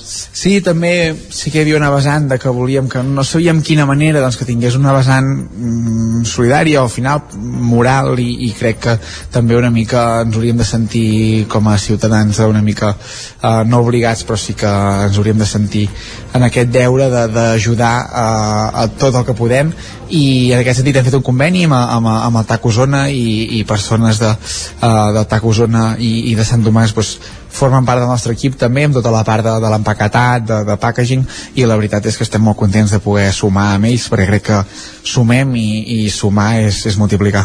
Perquè ara quantes persones hi han involucrades més o menys aquí en aquesta fàbrica? Ara mateix a Obrador som unes 9 persones més dues persones a, a botiga i de moment per l'arrencada arrencada hem arrencat bé a veure, ens expliques una miqueta, ara, això comentàvem, estem a, la, estem a la botiga on veiem la majoria, no sé si són tots els productes que feu des d'aquí a, a la fàbrica, què és el que hi podem trobar si venim aquí a visitar la fàbrica d'Eucària? Al final és el nostre producte, jo el que volia és que fos una experiència, perquè al final un producte bo eh, ser bo però ha de tenir una experiència i l'experiència és venir aquí, és veure la botiga és veure com, com treballem, és veure el packaging, és veure el producte que t'agradi, que hem ficat una vitrina al mig bastant gran perquè llueixi aquest, aquest producte i a més a més és llavors provar-lo a casa i, i que t'agradi, no? És el, el, el, sumum de l'experiència, però hem intentat que, que aquesta experiència la puguis tenir en molts moments, no? En el moment de degustar hi ha diferents productes, ja siguin, evidentment ara l'estrella és el torró, que és, és la campanya, és el, on, on estem focalitzats màxim, però, però sí que a més a més, doncs, evidentment uh, per tot l'any les rajoles de xocolata que tenim fins a 11 sabors uh, els esfèrics que és aquest fruit sec que, que el torrem, el caramelitzem i, i li fiquem una cobertura de, de xocolata amb diferents xocolates, tenim les cremes untables, tenim la xocolata feta, uns abets ara per Nadal també així de xocolata per compartir amb calendari d'advent, hem fet també una, una cervesa negra amb, amb xocolata, amb una col·laboració amb, amb, amb dos nois que fan, fan cervesa i vam fermentar aquesta cervesa amb, amb nips de cacau, amb pasta avellana i vainilla i, i la veritat és que és molt, molt, molt divertida. Llavors hi ha roques, bueno, al final molts productes i alguns que hem, guardat, hem deixat a la recàmera per al gener. Un cop els passi el Nadal i els productes de Nadal marxin doncs ja entraran més productes com poden ser els músics i diferents productes realment fa molt goig i veure aquesta vitrina amb tots els bombons, tot aquí ben col·locat, la veritat és que uh, fan venir moltes, molta gana. Comentaves això i comentàvem, ara queden, estem pocs dies per al Nadal i els torrons són un dels protagonistes. Per curiositat, a veure, quin, quins tipus de torrons teniu, o els que serien més singulars, per dir d'alguna forma, a veure si l'Isaac s'anima a provar-ne algun de nou. Tenim fins a 11 tipus de, de torrons, sí que hi ha els, els, jo els dic els clàssics perquè són els de tiro segur, els de que jo crec que el, el volum gros de cada casa són aquests, que és el de, el de cruixent de neules, el de praliner, el de cafè, que és un de, dels meus preferits, el de xocolata negra. Uh, llavors sí que hi ha la vessant una mica més, que és, és una combinació que s'ha fet molt, que és el de, el de bat de moro torrat, el de quicos, que, que li diem, que, que també és un praliner amb, amb, amb quicos, té aquest punt de de sal, aquest punt de, de fum que també és interessant. I llavors sí que hi ha uns altres que, que també els fem amb, amb base de xocolata blanca que, que tenim el de cítrics que és, amb, amb, és de llimona al final tu en boca et semblaria molt una crema de llimona semblant al lemon pie. Uh, tenim el tropical que és de fruita de la passió el de festuc que és de, de festucs literal amb un punt de sal també bastant, bastant divertit. I crec que no me'n deixo cap però tenim, sí, l'important que és un dels clàssics també és el d'arròs inflat, aquest típic torró que tots mengem eh, d'una marca comercial molt coneguda, doncs l'hem fet de, crec de la manera que, que toca amb un fruit sec màxima qualitat possible, amb arròs inflat amb aquest cruixent igualment, però, però que, que s'ha de provar perquè ens explicaries una miqueta quin és el procés que se segueix. Així és que ho puguem entendre les persones que som una mica incultes en el món de la xocolata o de la, de la pastisseria. Quin és el procés que se segueix per fer un torró de lluc croselles Bé, al final el que dic els nostres torrons és un bombó amb, és un bombó amb gran uh, és, és, hi ha la part de l'encamisat és aquesta part de xocolata que embolcalla tot el, tot el torró i després fem un farcit a dins, un farcit ja sigui o base uh, fruit sec amb xocolata, amb evidentment sucre el topping que, que tingui o bé base, base ganache que és una base doncs, amb un, un líquid uh, que, que emulsiones bé amb una xocolata i et queda com, una, com més cremós. I en aquest sentit amb aquestes bases, diferents receptes, diferents combinacions és el cap on partim pels diferents, els diferents torrons. I precisament també eh, comentàvem abans que, que ja heu, heu fet moltes col·laboracions, per exemple una de les més recents va ser aquest calendari d'Advoi que veu fer en col·laboració amb la Pilar Invellés ella fent la, la, el disseny de la capsa, els dibuixos i, i tu posant la xocolata Podem, podrem veure alguna, alguna altra nova col·laboració, alguna sorpresa que ens hagi d'esperar d'aquí poc? Ens pots fer alguna, una, una, alguna petita spoiler?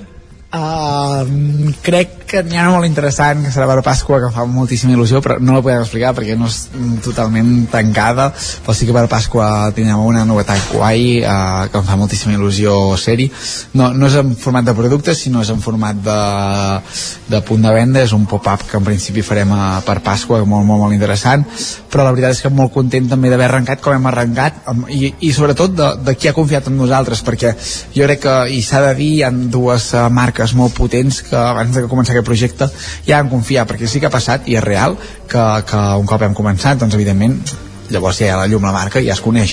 Però sí que hi ha dues marques, una que és Matlle Origen i l'altra que és T-Shop les botigues de test T-Shop que tant una com l'altra vam treballar a, una mica a, a, a la sombra mentre estàvem creant la marca ells van confiar en nosaltres i van dir, doncs fet, arrenquem ja amb vosaltres amb una col·laboració amb vosaltres i T-Shop hi ha una rajola nostra eh, que també la tenim a la botiga és una rajola de xocolata negra farcida de matxa i amb el origen hem arrencat i al mateix moment que hem arrencat aquí hem arrencat els ametller orígens per tant crec que s'ha de donar molt valor a que, que aquestes dues uh, empreses tan potents i que al final uh, tenen molta capacitat confiessin en nosaltres sense que existíssim gairebé i ja per acabar Lluc, per què Eucària? Per què Eucària? Eucària uh, crec que cada dia que passa m'agrada més i és que té un sentit, té un sentit i, i juntament amb, amb els nostres dissenyadors, que és un equip de disseny de Químic que es diu uh, Zoo Studio, uh, ha d'haver-hi un treball, un treball intens, la veritat, perquè Eucària parteix en primer lloc de, de, la, de la paraula eucariota, una cèl·lula uh, sempre és, és un element que és en moviment, en creixement, un, un, un element que no para, evidentment que avança, per tant, és una mica el que volem que sigui la marca, no? una marca que avança, que té moviment, que no para i que té ganes de més.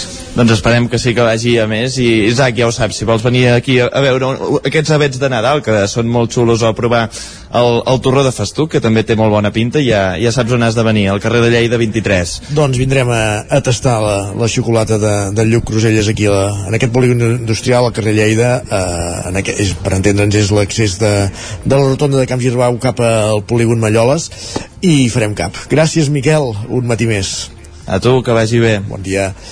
Gràcies, Miquel, i gràcies també, evidentment, a Lluc Cruselles per atendre'ns aquest matí, per explicar-nos aquest nou projecte, aquesta fàbrica i marca de xocolata en botiga, com dèiem, al carrer Lleida de Vic. Amb ells hem arribat al punt de les 10, ara en passen un minut, moment d'actualitzar-nos de les notícies del Territori 17.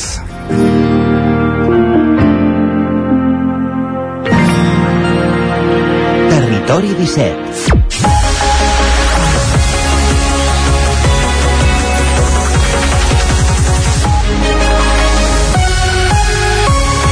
Minut i mig que passen de les 10 del matí, moment per les notícies de les comarques del Vallès Oriental, l'Osona, el Ripollès, el Moianès i el Lluçanès, les notícies del Territori 17, que us oferim cada matí en aquest magazín d'aquestes comarques i que fem conjuntament des de Ràdio Cardedeu, acudinem que la veu de Sant Joan, Ràdio Vic, el 9FM i ens podeu veure també a través de Twitch, YouTube, Televisió de Cardedeu, el 9TV i la xarxa més. Olost, el Lluçanès, es gasta 70.000 euros mensuals per les cisternes d'aigua. A la despesa s'hi haurà de sumar la retirada de fangs al pantà de la Gavarresa, que s'han reduït un, que han reduït un 70% la seva capacitat. Sergi Vives, el 9FM. Olost s'abasteix d'aigua amb camions cisterna des de mitjans d'octubre. Concretament, les primeres cisternes van arribar al poble el dia 15. Llavors encara es combinava amb l'aigua del pantà de la Gavarresa, d'on s'abasteix el 65% de la població. A mitjans de novembre el pantà va quedar totalment sec i des de llavors el municipi gasta unes 15 cisternes d'aigua diàries i això, tal com explica l'alcalde Gil Salvan, suposa un cost mensual de 70.000 euros. Aquesta despesa extra en 3 me de 3 mesos seguits, estem parlant de la xifra de 210.000 euros, deixa tocat el pressupost anual de l'Ajuntament que és, que és d'un milió. Des del consistori són conscients que la legislatura estarà marcada per l'aigua i que no podran fer gaires inversions. La despesa en aigua, a més dels camions cisterna, és per extreure veure els fangs del pantà que han reduït un 70% la seva capacitat o fer perforacions per buscar-ne al subsol. Olós registra un elevat consum d'aigua bàsicament a causa de les granges i indústries. D'ençà que el pantà va quedar sec, l'Ajuntament va obligar a reduir el 50% del consum aquestes activitats. Ara, amb aquestes restriccions, han aconseguit reduir aproximadament un 50% el consum d'aigua en tot el municipi.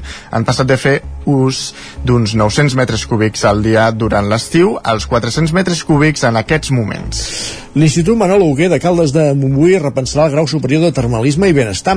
Encara no és definitiu, però les baixes matriculacions han obligat el centre a redefinir el curs. Roger Rams, zona codinenca. Sí, exacte. El grau superior de termalisme i benestar que imparteix l'Institut Manolo Huguera Caldàs va ser una aposta innovadora i decidida de l'Institut per vincular una de les principals activitats econòmiques del municipi amb la formació acadèmica. Una aposta feta, a més, en un moment molt delicat, tal com explica el director d'aquest institut, Jaume Balart. On neix al començament de la pandèmia i la qual cosa ens ha, ens ha dificultat, jo crec que molt, el poder-lo donar a conèixer de la manera que, que es mereix la realitat, però, és que en la primera edició hi va haver 9 alumnes matriculats, en la segona 7 i en la tercera només 5. Aquest any acabaren els alumnes de la quarta promoció amb unes xifres molt similars, per la qual cosa, com dèiem ara, l'Institut vol repensar aquest curs. I sense perdre aquest segell d'identitat, com que estem fent també el cicloformatisme d'estètica, doncs potser de grau mitjà, potser fer un replantejament i intentar reconduir el cicle de, de, de termalisme en un d'estètica de grau superior amb perfil professional de termalisme. I tot això està encara a les beceroles, però bueno, és el que estem discutint. El grau de termalisme té múltiples sortides professionals pels seus alumnes, des de ser director d'un spa, monitor d'oci, especialista en tècniques hidroestètiques o instructor de cura corporal.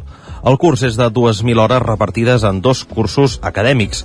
Ara s'haurà de veure si finalment es fa la reestructuració d'aquest grau per intentar tenir més matriculats o es continua apostant per un gran grau únic a Catalunya. Gràcies, Roger. Més qüestions. L'agrupació de sords de Vicky Comarca ha rebut el Premi Llengua de Signes Catalana 2023. Es tracta d'un guardó que atorguen al govern i reconeix una entitat, un projecte i una personalitat que treballa per promoure la llengua de signes catalana, Sergi. En el cas de l'entitat de Vic, se'ls ha reconegut per la visió d'aquesta llengua com a patrimoni i bé cultural lingüístic per tot el territori. Per exemple, se'ls ha distingit pel concurs Llengua de Signes Catalana Directe Vic, que fomenta la creació d'obres en aquesta llengua i en diversos gèneres, o la plataforma digital Espinell, que té continguts elaborats per persones sordosignants en aquesta llengua de signes. El premi a l'entitat va ser execuó amb el Centre d'Educació Especial Josep Pla de Barcelona. Torelló celebra la cinquena edició de la Fira Toca Fusta. Les places del centre es van omplir de públic familiar que van poder descobrir o redescobrir jocs fabricats en fusta. Així és, cada plaça del municipi comptava amb diferents possibilitats per entretenir-se, posant en valor una activitat que ha marcat la història de Torelló, la torneria, que es eh, contraposava a l'oferta habitual d'entreteniment digital a través de les pantalles. La cinquena Fira Toca Fusta va ser un èxit en una edició que ha apostat per la, pel vessant pedagògic i en què no hi ha hagut parades de venda de productes. Marc Tiendas, el regidor de Cultura.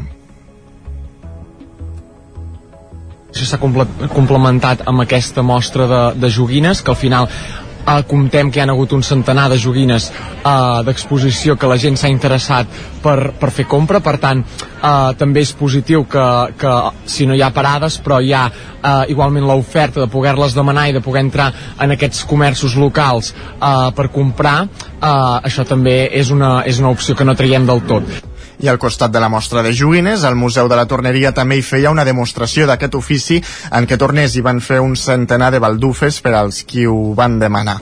Una de les activitats va ser un taller de construcció de joguines de fusta en moviment a càrrec del taller Gavins. L'objectiu era posar en valor l'ofici de torner i la joguina de fusta amb fusta plana. Judit Camps. A Torelló hi havia moltes empreses d'aquest estil. Torelló a nivell d'història i cultura eh, forma part nostra, no? tot el que és joguina de fusta i vam anar a buscar tres professionals jubilats perquè per desgràcia tots estan jubilats ja, no hi ha jovent, no hi ha noves promocions no? vam anar a buscar jubilats per què? perquè ells tenen tot el coneixement jo els hi vaig fer un plantejament, volia fer joguines en moviment, que els nens les muntessin que entenguessin què és i que fessin tot el procés que es fa realment En aquesta activitat, segons la data, els participants podien construir un pica-soques que podia anar baixant per un pal i els més grans un joc de gallines o un saltimbanqui, tot amb el suport dels torners jubilats.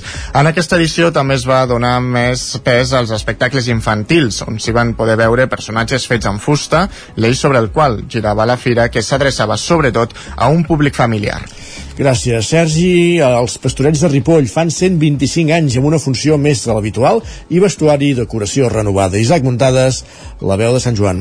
Enguany, els pastorets de Ripoll celebren el seu 125è aniversari convertint-se així en un dels més antics de Catalunya. Sota el títol del naixement del Salvador, la redempció de l'esclau, una de les principals novetats per commemorar l'efemèride és que representaran quatre vegades i no tres com habitualment. Serà el dia de Nadal a les 8 del vespre i els dies de Sant Esteve, el 27 de desembre i el 2 de gener a les 6 de la tarda. Tal com explicava el president de la Comissió dels Pastorets, Ramon Verdaguer, aquesta tradició va començar al voltant del 1880, quan uns ripollesos volien fer una peça teatral per celebrar el Nadal. Es va demanar a dos olotins, mossèn Antoni Molins i Ignasi Rubió, que fessin uns pastorets. L'any 1886, a l'antiga Acadèmia Catòlica, la Lira, pels ripollesos, es va estrenar Los Pastorcillos en Belén. Era una sarsuela pastoril en vers i en castellà. I per descomptat va ser un excitàs. Perquè a Ripoll som molt nerviosos i volem fer les coses ben fetes. I un mossèn d'aquest Ripoll, mossèn Josep Paré, va fer una traducció al català. I es va estrenar el 25 de desembre del 1898. La representació dels pastorets només es va interrompre a la dècada dels 70 i per la Covid. Amb motiu d'aquest aniversari, l'associació ha impulsat la seva candidatura a la Creu de Sant Jordi per la seva contribució a la cultura i a la llengua catalana, i per això recolliran signatures i demanaran el suport de les institucions. El director d'escena dels pastorets, Ramon Santanac, va recordar que els pastorets es representen només en català a 4 o 5 poblacions de Catalunya i que el text original va sortir de Ripoll. A més a més, reuneixen unes 120 persones a sobre l'escenari i comptant els col·laboradors, la xifra ascendeix fins als 180, un fet que obliga a assajar dos cops per setmana a partir de finals de setembre. Enguany, gràcies a una ajuda de l'Ajuntament, hi haurà una renovació important. Tothom podrà gaudir d'un nou decorat del naixement en el quart acte dels pastorets, que feia molts anys que es havia perdut el vell per desgast, s'havia fabricat un altre dels propis membres de, de pastorets, però ens va semblar que al celebrar els 125 anys era convenient que hi hagués un, un nou decorat i també el que farem com a novetat és estrenar tota una sèrie de vestuari de dimonis, de pastors perquè doncs el vestuari passa el mateix. Mirem d'anar-lo renovant però vulgueu o no vulgueu sempre es va fent malbé. Canviem tot el vestuari del que són els dimonis que nosaltres diem dimonis petits i ratpenats. També hi ha dues novetats més i són que hi haurà un dia que els personatges de Sant Miquel, Sant Gabriel, Lucifer i Satanàs seran interpretats íntegrament per dones i que les entrades passaran a costar 12 euros en comptes dels 10 que valien fins ara. La salut dels pastorets de Ripoll és bona i comença a haver-hi relleu generacional. A més a més, en una escena hi participaran fins a 3 generacions d'una mateixa família. Els pastorets també compten amb 25 cants i alguna part instrumental. I a Cardedeu, Enric Rubio, Ràdio Televisió Cardedeu, l'agrupació eh, coral cardedeuenca celebra el seu concert de Nadal a l'església de Santa Maria. Així és, Isaac. Ha estat a dos quarts de deu del vespre en un concert en el qual s'ha cantat missa del compositor organista Flor Peters, expert de la composició de peces musicals religioses. El director del concert ha estat Emilio Delinde. Una missa que jo la, la, la, la vaig agafar una mica per, per treballar vocalment eh, en la coral, perquè el curs passat ja vam fer música romàntica i volia continuar una mica el, el, el treball aquest vocal i aquesta missa és molt, bueno, molt adequada i molt idònea i a part que és molt, m'agrada molt aquesta A més, enguany s'ha innovat sent el primer cop que en aquesta missa ha comptat amb un joc de llums que acompanyés la música i els membres de la coral han cantat des de dalt de l'espai que ocupa el cor a l'església, al costat de l'orgue, tant per temes de ressonància com per convertir l'acte en una experiència més envolvent i immersiva. Jordi ha estat el director artístic i de producció clar, vam dir, home, potser hauríem de donar-li cosa perquè si no la gent, clar, miraran tot el rato cap a, cap a davant i no veuran res, no? I llavors era una mica també de que el sentit d'estar atent, de veure l'església d'una altra manera amb aquesta il·luminació que ens ha fet aquests nois de Sinergia i que això faria que el, la gent gaudís més. Una mica el que ens deia el Pere Peris al començament, que la gent fes una escolta activa, Per finalitzar el concert, els intèrprets han baixat amb el públic per cantar tot plegat dues Nadales típiques catalanes. Gràcies, Enric. Aquí ja acabem aquest repàs informatiu que començàvem al punt de les 10, en companyia d'Enric Rubio, Roger Rams, Isaac Muntades i Sergi Viva. És moment de saludar de nou l'home del temps, en Pep Acosta.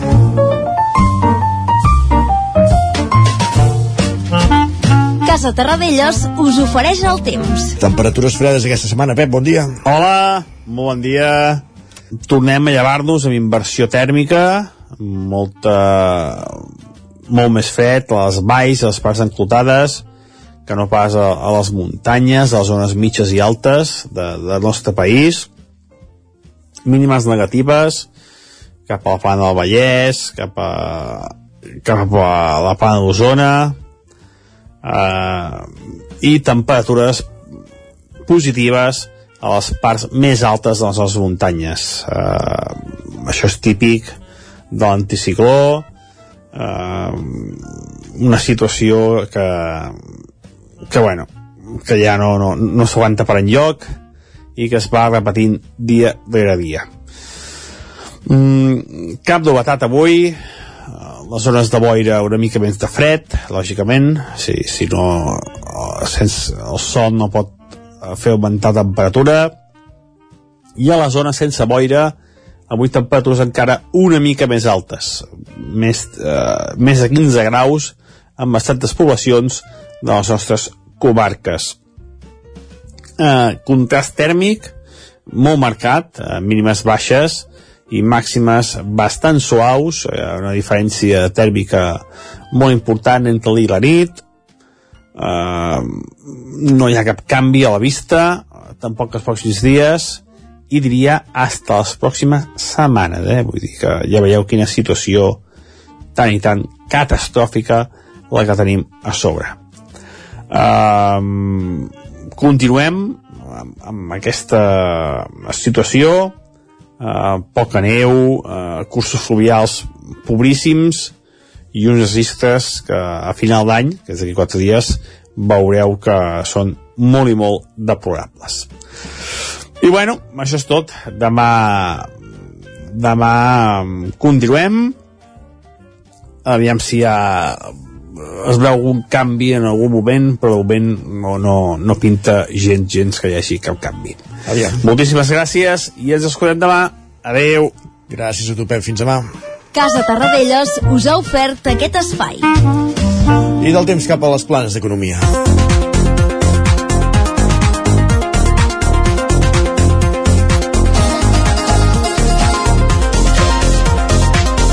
Ara mateix un quart d'onze del matí i saludem a en Joan Carles Arredon del cap d'Economia del 9-9 del Vallès Oriental. Bon dia, Joan Carles, benvingut. Bon dia. Avui per parlar de dades territorials del PIB, que donava a conèixer ahir l'Institut Nacional d'Estadística. Sí, i no, no era gaire difícil de preveure que el, el fet que es donessin a conèixer aquestes dades de comptabilitat territorial um, donessin lloc de nou a titulars que semblen més estrets a les pàgines d'esports que no pas a les econòmiques. Carai. Sí, no, no cal posar exemples, eh, perquè estaran a la ment de, de qualsevol oient mínimament informat. Però els diaris de Madrid, i també algun de Barcelona, s'abonaven a una lectura que no deixa de ser, des del nostre punt de vista, eh, col·lateral, com és l'eixamplament de la diferència entre el pes que té en el PIB estatal la Comunitat del Madrid la comunitat de Madrid, no del Madrid la comunitat de Madrid um, i la, la que té Catalunya respecte del, del, del PIB del, del total del PIB estatal Uh -huh. per què diem que no deixa de ser col·lateral? Doncs perquè, és a dir, potser sí que en el moment que es va produir la circumstància, Catalunya tradicionalment havia sigut la primera comunitat eh, estatal, eh, el primer territori estatal en, en PIB, sí. fins que va arribar un moment que Madrid li va passar al davant. I això va passar el 2019. I potser en aquell moment es podia considerar que això era un element novedós, que això, diguem-ne que és un dels components que els periodistes diem, no? que, sí, sí. que, que li, donen, li donen suc a la notícia, eh? que hi hagi novetat, però clar, això va ser el 2019, han passat 4 anys, i aquí no hi ha hagut canvis. Madrid ha continuat primera, Catalunya segona. És veritat que ara sí que es pot dir que hi ha hagut una mica una mica d'eixamplament d'aquesta distància, però diguem-ne que abonar-se a aquesta lectura diguem-ne està donant jo, jo crec que no està donant pistes sobre, sobre les coses que estan passant no? Um, dèiem això eh? sí, sí. El, el, el, aquest, aquest canvi que, que es produeix és només això que s'ha engrandit aquesta, aquesta diferència intentarem donar la notícia, la notícia sense càrrega d'opinió eh? doncs va, provem-ho després, després, després ja n'hi posarem eh? però, però de moment jo, jo crec, que més, crec que més anàlisi que no pas opinió però, però en tot cas sí, sí, és veritat, és opinió com és opinió el fet d'enfocar només en el tema de, sembla que el que sigui el que mogui molts diaris de Madrid i alguns de Barcelona sigui la bufetada del català, eh, diguem-ne, no? Que passa un català per davant i fots una bufetada. Home, doncs, eh, doncs, diguem-ne que una vegada més ha semblat que, que sigui això una mica de hooliganisme, de, de, de xiringuito de jugones, eh? Per tant, intentarem donar això, les xifres sense càrrega d'opinió. Què diuen? Doncs que l'economia espanyola va créixer el 2022 un 5,8%, Uh -huh. creixement que seria espectacular si no vinguéssim d'on veníem, que era de molt avall, diguem-ne, no? després de la, de la sotregada de la pandèmia. Les comunitats que més van créixer van ser les Illes Balears i les Illes Canàries, un fet normal, perquè aquella sotregada eh, havia estat profunda eh, per, per uns territoris tan, depen, tan dependents dels serveis, dels serveis sobretot del turisme, Uh -huh. com, com, com, són aquests, com són aquestes dues eh, doncs, que, que, que, aquestes, aquests dos arxipèlags, diguem-ne, no? Uh -huh. I, i, i el punt de partida i el, en tercer lloc eh, després de les Illes Balears i les Illes Canàries ja apareix Madrid amb un vigorós 7,5% i això supera el 6% que comparteixen tant el País Basc com Catalunya. País Basc i Catalunya que també creixen tot i que molt lleugerament però per sobre de la mitjana estatal, eh? si és, la mitjana estatal és un 5,8 i Catalunya i, i, i Euskadi creixen un 6% creixen per sobre de, de la mitjana Exacte. Mm. Però per sobre. Els titulars sobre l'ampliació de la bretxa entre Madrid i Catalunya contribueixen a desviar l'atenció sobre un factor que probablement sigui més destacat i estigui assenyalant més eh, elements de fons. Després, després entrarem en els de Catalunya. Eh?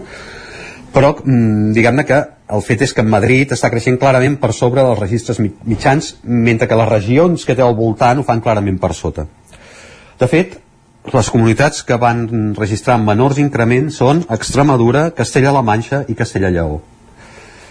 Diguem-ne que geogràficament coincideixen, sobretot les dues Castelles, per la proximitat amb Madrid. No?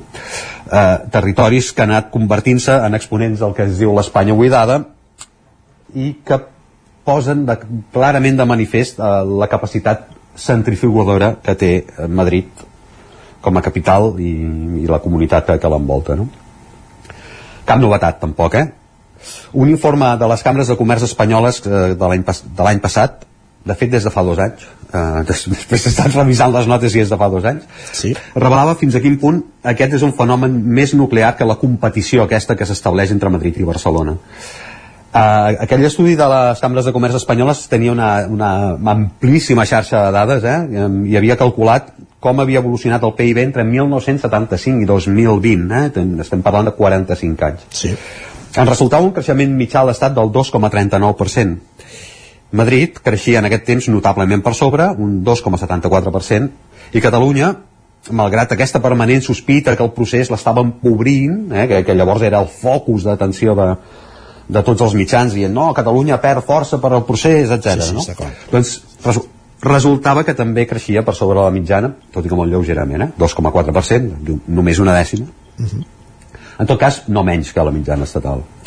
Uh, això significa que Madrid no ha crescut uh, tots aquests no ha crescut tots aquests anys ni en el passat eh? ni, ni, ni, ni, ni, ni l'any passat en detriment de Catalunya que mal que bé ha anat mantenint el seu pes global en l'economia espanyola al voltant del 19%.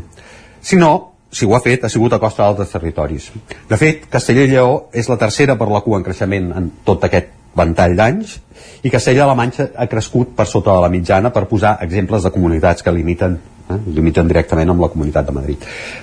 Hi ha, per tant, factors que van més enllà de la pura política, del, del, del pur politiqueig aquest de no, és el procés el que té la culpa de tot, no? Sempre. Doncs va, factors que van més enllà d'això per explicar com està evolucionant la riquesa econòmica des del punt de vista, ter des del punt de vista territorial. A- a L'any 75, Madrid representava el 17% de l'economia espanyola i ara ja arriba a ser, que l'any passat va arribar a ser el 19,43%. I no ha fet no ho ha fet a costa mm, i, dic, i ho ha fet a, a, costa de les expansions menors a d'altres regions de l'Estat i sota un clar canvi de paradigma en el qual els serveis i les finances han passat a ser mm, diguem-ne l'element determinant econòmic per davant de la indústria. De fet, territoris tradicionalment industrials com el País Basc són els que mostren una evolució econòmica més feble si es pren com a referència a aquesta evolució des de l'any 75 L'evolució del PIB no va tant de política, o almenys no només de política, eh? va principalment d'economia. I l'economia està dient que el motor del canvi no està en una competició entre Catalunya i Madrid com un reflex d'aquest procés de centrifugació cap al centre peninsular, en el qual, en aquest centre peninsular, no és gens casual que hi hagi a la capital de l'Estat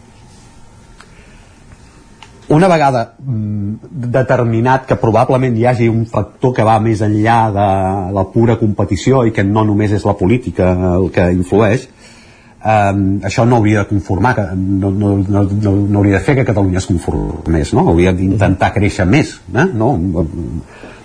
bàsicament aquí hi ha un debat entre, entre, entre determinats corrents econòmics que parlen de la necessitat de, de mantenir la, el, el camí del creixement permanent i qui parla de, de que hi ha necessitat de decréixer, etc. Eh? Aquí sí que expresso opinió eh, jo som més partidari de que hi hagi creixement perquè si és, per, però que aquesta riquesa que generi es, es reparteixi millor eh? dit això eh, i per tant com que el que vull és que el territori on visc eh, creixi diguem-ne doncs eh, hauria, hauríem d'intentar veure com Catalunya té la possibilitat de, de fer-ho no? En, encara que sigui per dècimes el pes de l'economia catalana respecte a l'Estat ha anat retrocedint amb els anys i si és cert que la indústria era el factor determinant per posar Catalunya al capdavant de l'Estat, no hauria de ser difícil concloure que les activitats que han substituït progress aquest progressiu alentiment de la indústria eh, diguem-ne no tenen la mateixa capacitat de portar riquesa no? Uh -huh Eh, convindria, doncs, constatar en quin sector ha estat potent Catalunya tradicionalment i l'han portat sempre a ser el primer i, més enllà dels discursos ben intencionats, descobrir quin és el camí perquè aquesta indústria recuperi el paper capdalt que, està, que, que va tenir en el passat.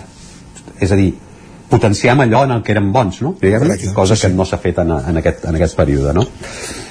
Un dels aspectes que crida l'atenció de l'informe corresponent al, dos, al 2022 és que Catalunya ja està per sota de la mitjana europea, eh, i això sí que hauria de ser un element preocupant, preocupant. Eh? per sota de la mitjana europea en PIB per càpita. A l'Estat només superen aquesta mitjana Madrid i el País Basc. I per davant de Catalunya encara hi ha Navarra. Un avenç més intens en la producció contribuiria a incrementar aquest PIB per càpita i oferiria una oportunitat, com dèiem, de distribuir més riquesa entre els habitants sempre i quan la, la distribució fos equitativa, perquè posats a comparar, Madrid està per davant, està deixant perdre aquesta oportunitat de distribuir bé. Estem parlant de la comunitat més rica, en, en, en termes de PIB per habitant, i, però tot això, eh, per tot això, però tot i això és la cinquena per la cua en igualtat. I aquesta, aquesta comparativa, eh, aquesta de... surt poc en els titulars, diguem-ne. L'important és la llibertat, ja ho saps a Madrid, Joan Carles. Sí, és, és la llibertat, però la llibertat per, a, per, per als que tenen més recursos, eh? I Està clar. Segurament hi hauria més capacitat distributiva si no tinguessin tant, com ho diríem, eh, tant, tanta obsessió a reduir impostos. Ja n'hem parlat alguna vegada d'això. Sí, sí, està clar.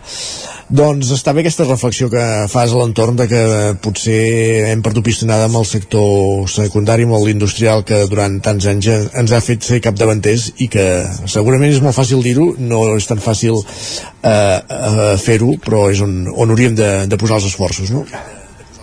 El, el concepte reindustrialitzem Catalunya, que l'estic sentint molt últimament, sí, com, comença a fer l'efecte que és més un eslògan que una realitat, però en tot cas també en podem aprofundir. Tenim, tenim setmanes per davant per poder-hi aprofundir. Això serà l'any que ve, perquè avui és l'última secció d'Economia d'aquest 2023.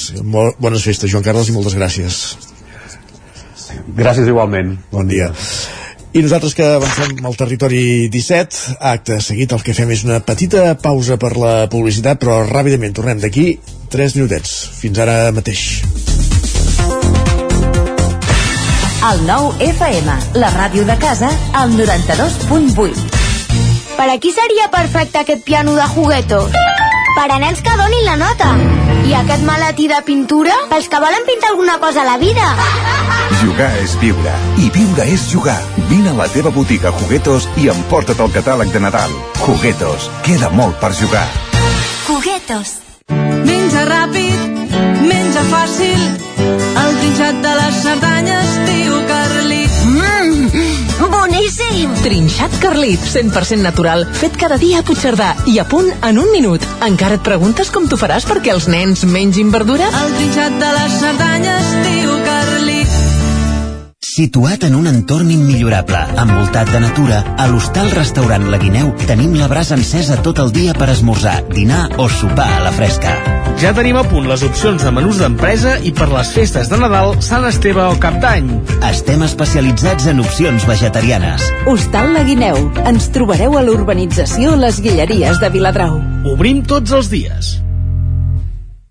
M'encanta regalar llibres de la llibreria Mater. Tenen novel·les que et fan viatjar a mons desconeguts, poesia que et fa sentir cada paraula, assaig que et fan reflexionar i contes infantils que fan volar la imaginació dels més petits. M'agrada regalar agendes, quaderns, bolígrafs i calendaris de la llibreria Mater. Si busques un regal original, no busquis més. Tenen una àmplia selecció de regals de papereria que segur que els encantarà. Llibreria i papereria Mater, seleccionant el que farà feliç als teus des de 1957. Pla de Balanyà 23 de Vic. Tens 20.000 motius per comprar centelles. Fins al 6 de gener compra 4 establiments diferents de centelles i segella la targeta de la campanya. Podràs participar al gran sorteig de premis i val regal. Hi ha 600 premis d'entre 10 i 50 euros per guanyar i 1.000 euros més repartits en premis de 200, 250 i 300 euros. Aquest Nadal compra centelles. Tens 20.000 motius per fer-ho. Aquest Nadal fem consum local. Arriben les festes més especials de l'any i des del nou FM us ho volem dir d'una altra manera. Des de Boi del Tés, al carrer Jaume I de Vic, els nostres millors desitjos. De part del sabater de Manlleu, que estem a dalt vila, molt bones festes. De part de Piscines Martí, que som al polígon Mas Galí de Gurb, salut i gaudir de les festes. Des de Set Parc, que estem a la carretera de Roda de Vic, els millors desitjos per al 2024. El nou FM, el nou FM, el nou FM. En punt dos quarts d'onze al territori 17. Guillem Sánchez, benvingut, bon dia. Bon dia, bon dia, com estem? El nostre home a X, i què hi trobes a, en aquesta xarxa social antes Twitter? Doncs mira, gent com la Marta que ens dona opinions que jo també m'hi sumo. Ens escriu, em sap greu, però no vull abandonar la meva zona de confort. Diu, està sota la manta i amb la bossa d'aigua calenta a les cames. És que amb el fred que fa ja costa, eh, sortir de casa. Aquesta setmana he estrenat el doble nòrdic, nano. no l'havia sentit mai, jo, aquesta. Sí, té dues fundes, en fi. Va, una zona de confort que podria canviar si divendres li toca la loteria, segurament. I això ens en parla la Irene que ens diu comprant el mateix bitllet de loteria que comprava amb el meu expromès. No fos cas que ell el compri també, es faci ric i jo no. Pensa, en fi, és igual, és molt divertit això de la loteria, perquè jo en compro molt poca, però clar, a vegades tens compromisos ineludibles. Doncs dos d'aquests compromisos va i juguen al mateix número. Doncs mira, ja, té, ja, ja, té ja és curiós també. Exacte. I més loteria, ens diuen confio màxim en el 2024 com confio màxim en la loteria de Nadal. O sigui, pensar que els canvis han de venir de la meva pròpia persona ja una altra estona. Molta gent que posa esperances en la loteria i no, sé si, sou, i no sé si sou també d'aquest estil vosaltres que ens escriuen molt fan dels que fan 4 hores de cua per comprar un dècim de loteria de Nadal. Diu, per buscar feina no feu ni 5 minuts de cua. Home, Home hi, ha, hi ha prioritats, eh, en aquesta sí, sí. vida. I l'Anna se'ns ha posat nostàlgica, Isaac. Am. Ens diu, recordar quan l'inici de les xarxes socials era pixar-te de riure amb els amics, sense mercantilismes de cap mena, és el nou iaios explicant batalletes, diu, i aquesta sóc jo. Cai. Doncs mira, pot passar. I molt d'acord amb aquesta pilota també que ens fan avui. Ens diuen, a veure, si en un carrer estret es troben dos cotxes de cara, atenció, eh, i un s'aparta un moment per deixar passar l'altre, el conductor que passa primer ha de fer un gest d'agraïment amb la mà. Fins aquí d'acord, no? Sí. Diu, si no ho fa, és un... Poseu l'insult que vulgueu. Seguiu-me per a més consells de civisme coses que han de passar. Correcte. La Laia també ens escriu avui en aquestes dates, diu, hi ha mestres que haurien de recordar que l'educació musical no es redueix només a ser l'ambientació musical de les festes escolars. Però no és, no és, no és maco també, eh? aprendre Preciós. a cantar cançons ara a aquestes, a aquestes èpoques. I en Jordi potser s'enfadava una mica ahir dilluns a la, a la nit. Ens escriu, sóc un ingenu, poso per tres pensant que diran alguna cosa del Girona i evidentment parlen del Barça pot passar, pot passar. I a més amb el, amb el Barça com, com està també dona per, per parlar molt. I això que ens escriu en Gerard potser és de fusta de campió ens diu, ja. fins ara el Girona havia guanyat els partits amb la cinquena posada. Diu, avui tercera i 3 a 0 no sé si, si tercera o no però no sé Però- si haurem de començar a parlar de coses importants eh? Aviam, Jo soc d'aquells que, que, que, que em costa, eh, encara ser... Sí? sí a, però... partir de, a partir de quina jornada? Jo, jo que digui Mitchell, el Mitchell va dir a partir de la 26, va. Va, i en èpoques així pot passar això que ens escriuen. Diu, fa uns anys se'n reien de tu perquè eres del Girona. Diu, ara els veus al teu costat. Bueno. És Sí, que sí. és molt maco, no?, celebrar Està coses clar. i celebrar victòries. Va, i s'ha de dir que aquesta reflexió també m'ha fet gràcia avui. Diu, l'habitació d'un adolescent és com l'IKEA. Diu, entres a fer una ullada i surts amb gots, plats, tovalloles i coses que ni sabies que es fabricaven. També hi ha l'opció d'intentar fer l'ullada i tancar la porta. Sí, i, i fer veure, i fer veure que no has vist res. Que sigui l'adolescent que vagi que... Va, i primer dues reflex... per acabar dues reflexions. Primer la de la Júlia, que ens diu m'encanta la gent que et diu coses boniques i es nota que ho diu amb sinceritat, evidentment. Ens- ens hem de, portem, bé. ens hem d'estimar. I ara una petició de la Blanca, a veure si algú li fa cas. Diu, si us plau, jo només demano una sèrie sobre com es va obrir el Liceu i la rivalitat amb el teatre principal. Carai. Doncs mira, a veure si Doncs, algun productor fil compra aquesta, idea, aquí. compra aquesta idea. Gràcies, Guillem. Va, que vagi molt bé. Isaac. Adéu. Territori 17. I el Territori 17 és temps pel podcast, temps pel racó de pensar com cada setmana amb la Maria López i avui eh, amb aquest podcast que ha titulat Robots contra la soledat.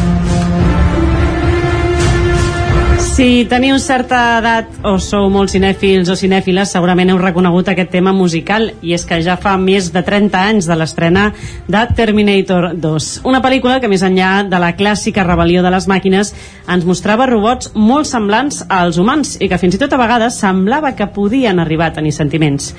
30 anys després està clar que el tema no ha deixat d'obsessionar-nos i és que moltes persones i empreses han continuat buscant aquesta aproximació cada vegada més gran entre màquines i humans. La manera i el to en què podem conversar amb el xat GPT o els assistents personals robotitzats ens mostren aquesta insistència humana per aconseguir que els robots no només estiguin a la nostra disposició, sinó que també ens puguin atendre qualsevol tipus de necessitat, fins i tot les més emocionals. A principis del mes de desembre llegíem que la Generalitat ha tret una nova mesura per combatre la soledat en la gent gran. La mesura destinarà 5,5 milions d'euros provenents del fons Next Generation a adquirir un miler d'assistents robòtics intel·ligents per tenir cura de la salut i millora de la qualitat de vida de la gent gran que viu sola, combatant també la soledat no desitjada. Però estem disposats a que els robots substitueixin aquestes relacions humanes tan necessàries? Més enllà del debat sobre les possibles professions afectades, debat habitual cada vegada que hi ha un canvi important a nivell industrial. Cap a quina societat ens encaminem si deixem que les cures en mans de gens sense emocions? O potser podria ser precisament la solució per acabar amb malalties mentals generades per la soledat no desitjada? Us parla la Maria López i això és El racó de pensar.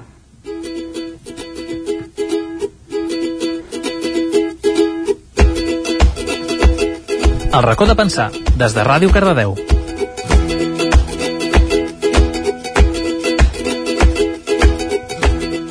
I per parlar de robots i de cures, avui ens acompanyen a l'estudi una convidada i dos convidats reincidents, que m'agrada a mi que torneu sempre al racó, perquè això vol dir que tan malament no us hem tractat quan heu vingut, eh? D'una banda ens acompanya la Maria Rovira, ella és psicòloga i professora de psicologia a la UOC. Molt bon dia, Maria, i gràcies per tornar aquí al racó. Hola, bon dia. Ens acompanya novament també en Pere Pèries, ell és compositor i precisament ens ha acompanyat anteriorment al racó d'aquesta temporada parlant d'intel·ligència artificial i ètica, com a expert en la matèria per les seves composicions basades en intel·ligència, en intel·ligència artificial. Bon dia, Pere, i gràcies per tornar a ser amb nosaltres. Bon dia, sempre és un plaer estar aquí, som a casa. I com a tertulià habitual de la casa, precisament ens acompanya una setmana més en Juanjo Fernández. Ell és professor, escriptor, conferenciant i visual thinker. Bon dia, Juanjo, i gràcies per acompanyar-nos una setmana més i pels bombons que m'has portat avui. Bon dia. molt doncs, important. Eh, molt important, si és que la, el Juanjo em va, em va sabant al llarg de l'any, saps? doncs som-hi perquè és moment d'obrir debat i és que amb el tema d'avui se'ns planteja una balança de necessitats i de moralitat bastant interessant. Maria, precisament eh, en el teu cas farà un parell de, setmana, de setmanes publicaves un, un article d'opinió al Catalunya Plural on parlaves d'aquesta mesura que comentaven just a la introducció i de fet ho feies amb un, títol, amb un titular en forma de pregunta. Deies, volem que els assistents robòtics substitueixin les relacions humanes? Quins són per tu aquests elements que hem de posar en la, balan en la balança per respondre a la pregunta? Bé, jo crec que bàsicament una de les qüestions que jo plantejo no és que estigui absolutament en contra no, d'aquests assistents robòtics, sinó si realment ens hem parat a pensar com a societat no, i com a persones que necessitem les relacions humanes eh, per poder ser i per poder viure i per poder tenir una bona salut emocional, una bona salut mental i també una bona salut física, si ens hem parat a pensar si realment volem que siguin aquests assistents robòtics no, els que facin un seguit de funcions que ara mateix um, és evident que no estem sabent cobrir eh, per totes les persones que formem part no? de, de la comunitat i de la societat i a mi això em portava no? a una, una reflexió una mica més en profunditat no? de quines són aquestes qüestions que volem que els assistents robòtics cobreixin i per què nosaltres no estem podent cobrir això no? Mm -hmm. i quin és el valor que nosaltres com a societat li estem donant a aquest treball doncs, de cures reproductiu no? que és tan imprescindible pel desenvolupament d'una persona i aleshores a mi mi em lligava molt perquè feia molt poquet, bueno, ja és un, és un estudi que fa anys que estic seguint, no? que és a, un estudi de la Universitat de, de Harvard en relació a què és una bona vida i que fa recentment va sortir un llibre no? on explicaven doncs, quines eren les principals característiques que estaven descobrint amb aquest estudi i quins eren aquells punts en comú de les persones que, que diuen tenir una bona vida i ha és un estudi interessant perquè han analitzat no, amb diferents nivells socioeconòmics durant durant 80 anys ja porten a tot un seguit de, de qüestions en relació a les persones que conformen part d'aquest estudi, no? amb una mostra. Aleshores, és un estudi longitudinal i una de les principals eh, aportacions que fa és que les relacions humanes eh, són imprescindibles pel desenvolupament de la nostra salut emocional i per tenir eh, doncs un, una vida més llarga no? Uh -huh. i una vida més plena. Què són aquestes relacions humanes? Són, doncs, és el contacte no? amb, amb un igual és una persona no? que t'estigui escoltant és el uh, tenir un cercle d'amistats que no cal que sigui molt gran però sí que ha de ser no? de qualitat, saber que tu quan arribaràs a casa no? i has tingut un mal dia podràs trucar, trucar algú i podràs expressar, verbalitzar i tindràs una altra persona que t'estarà escoltant i entenent aleshores per mi ajuntar com aquest estudi no? que precisament ens deia això i uh, aquesta realitat que és que el govern de la Generalitat ara mateix doncs, ha decidit fer una aposta no? cap a aquests assistents robòtics em semblava molt interessant perquè en si mateix ja ho veia com una mica de contradicció no? però que si més no volia com plantejar el debat en obert de realment estem sent conscients de que com a societat no estem podent cobrir no? aquestes tasques tan imprescindibles per la vida i que no els hi estem posant el focus i que ho estem deixant en mans d'altres màquines no? I, i, de, bueno, i, de, i de robots que puguin fer aquesta funció aleshores em, em sembla no, que tenint en compte també tot el que té a veure amb el treball reproductiu i de cures um, que són feines que són poc valoritzades no? uh, poc retribuïdes, poc reconegudes que moltes vegades es fan uh, sense rebre res a canvi, diguéssim, perquè són assumides per les dones, no? I això fa que funcioni també tot l'altre sistema, no? El patriarcal i el capitalista, no? És aquesta aliança mm. uh, tan perversa.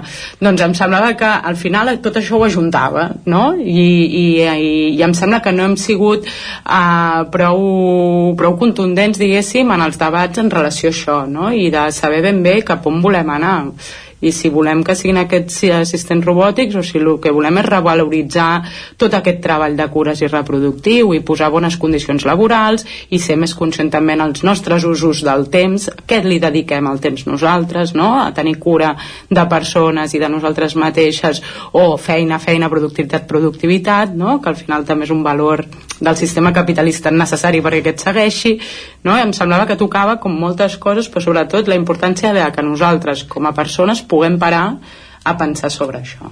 Suposo que l'altra banda de la balança, però, eh, deuen estar aquella, aquella, la situació actual, no? que és que en el fons hi ha molta gent que se sent que se sent sola, una soledat no, no desitjada i que davant de la no existència de persones que puguin acompanyar-les doncs això pot semblar una, una solució, no? Quina és la trampa aquí d'alguna manera?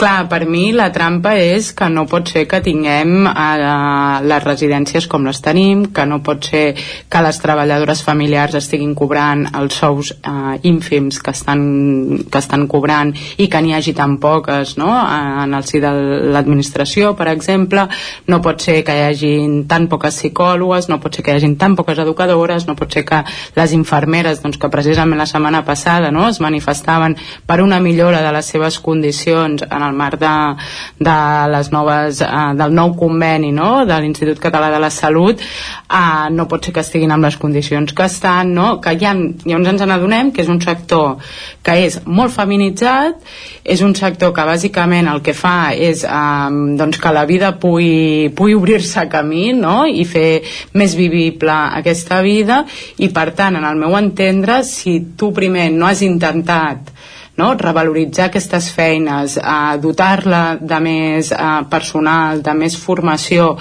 um, alhora que intentar també um, generar una escletxa pel que fa a les creences sobre la importància que té les cures a la nostra societat, uh, posar un assistent robòtic és saltar-se tot de coses que per mi són profundament humanes. Uh -huh no? que és que siguin eh, les persones les que ens cuidem entre nosaltres i el valor principal que per mi té la vida no?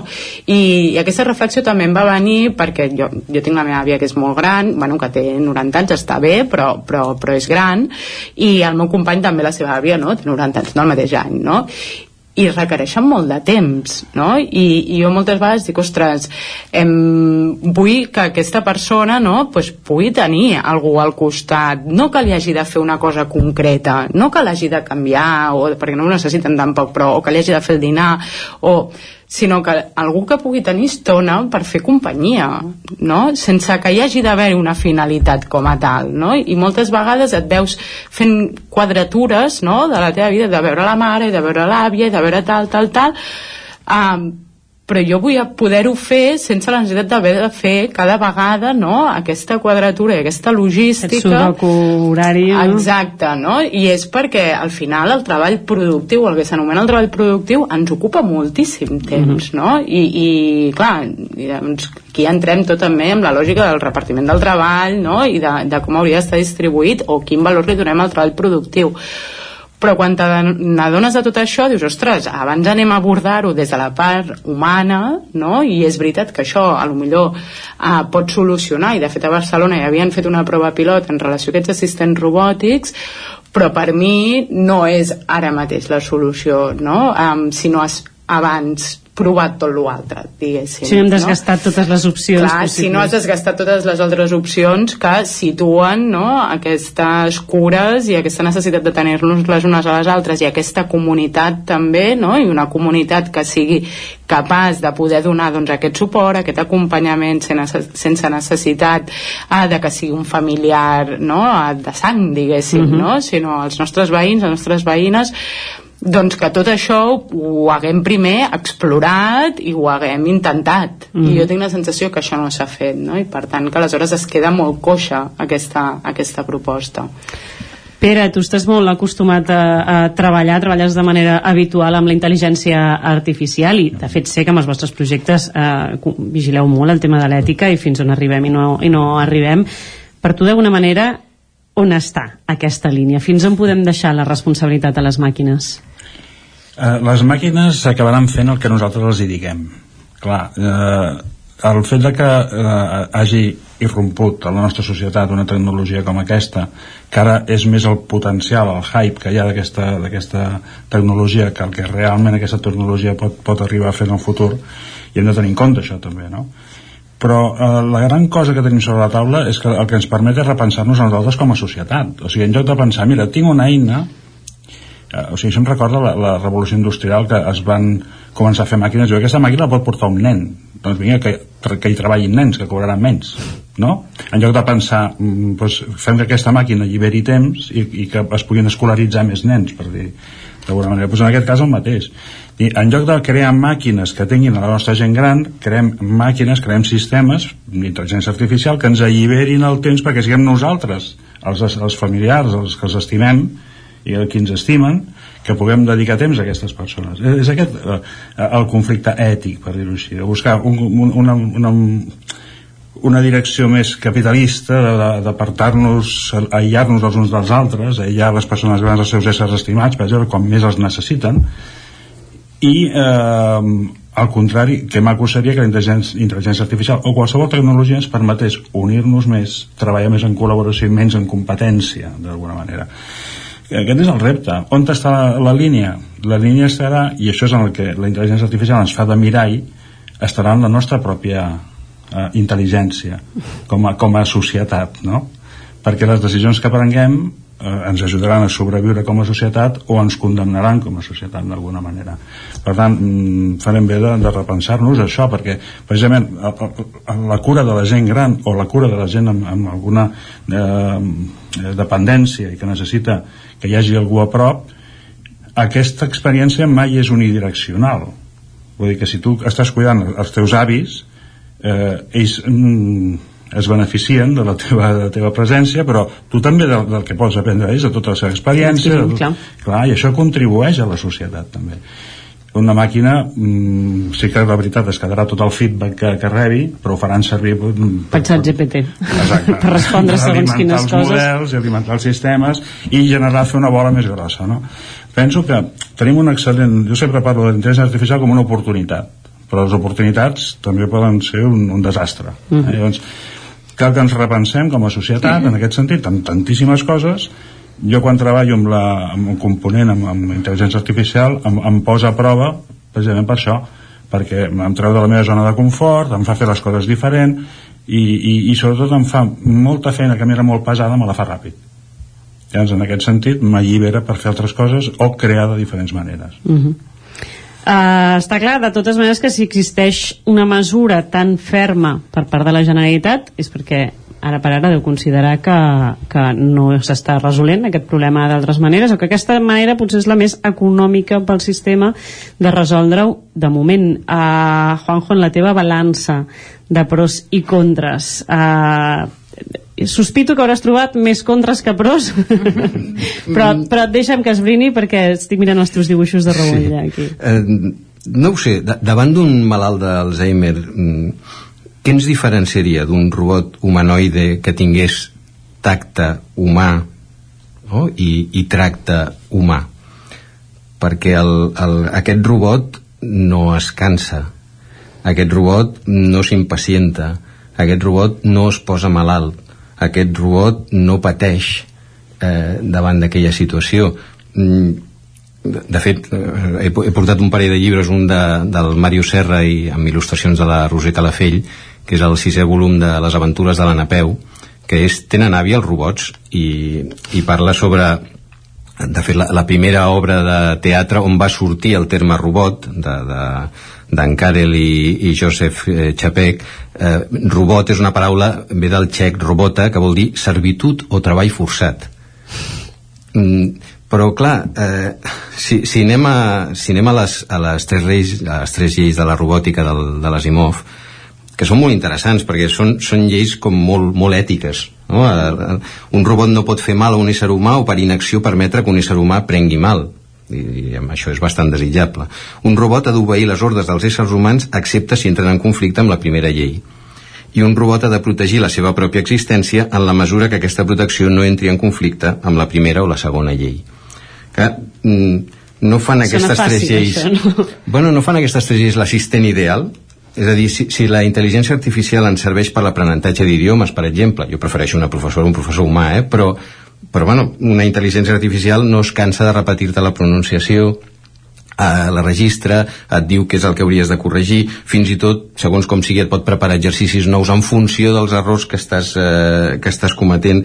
No seria un bon assistent el que és capaç de seure al costat del malalt, escoltar-lo, reaccionar sempre bé a les mateixes històries repetides una i altra vegada, o fins i tot els deliris, proposar mm, exercicis, activitats, cantar cançons que li seran de profit a aquella persona perquè se l'ha programat a la intel·ligència perquè aquesta cançó li agrada molt, aquesta cançó activa aquest, eh, aquest record, treure'l a, a passejar, netejar-lo si és el cas és a dir, el que comentaves Pere de, del, del feedback és molt xulo quan la persona que tens davant està bé. Quan la persona que tens davant no està bé eh, el feedback és, eh, és bastant, bastant més xungo eh, i, i és molt, molt, molt complicat.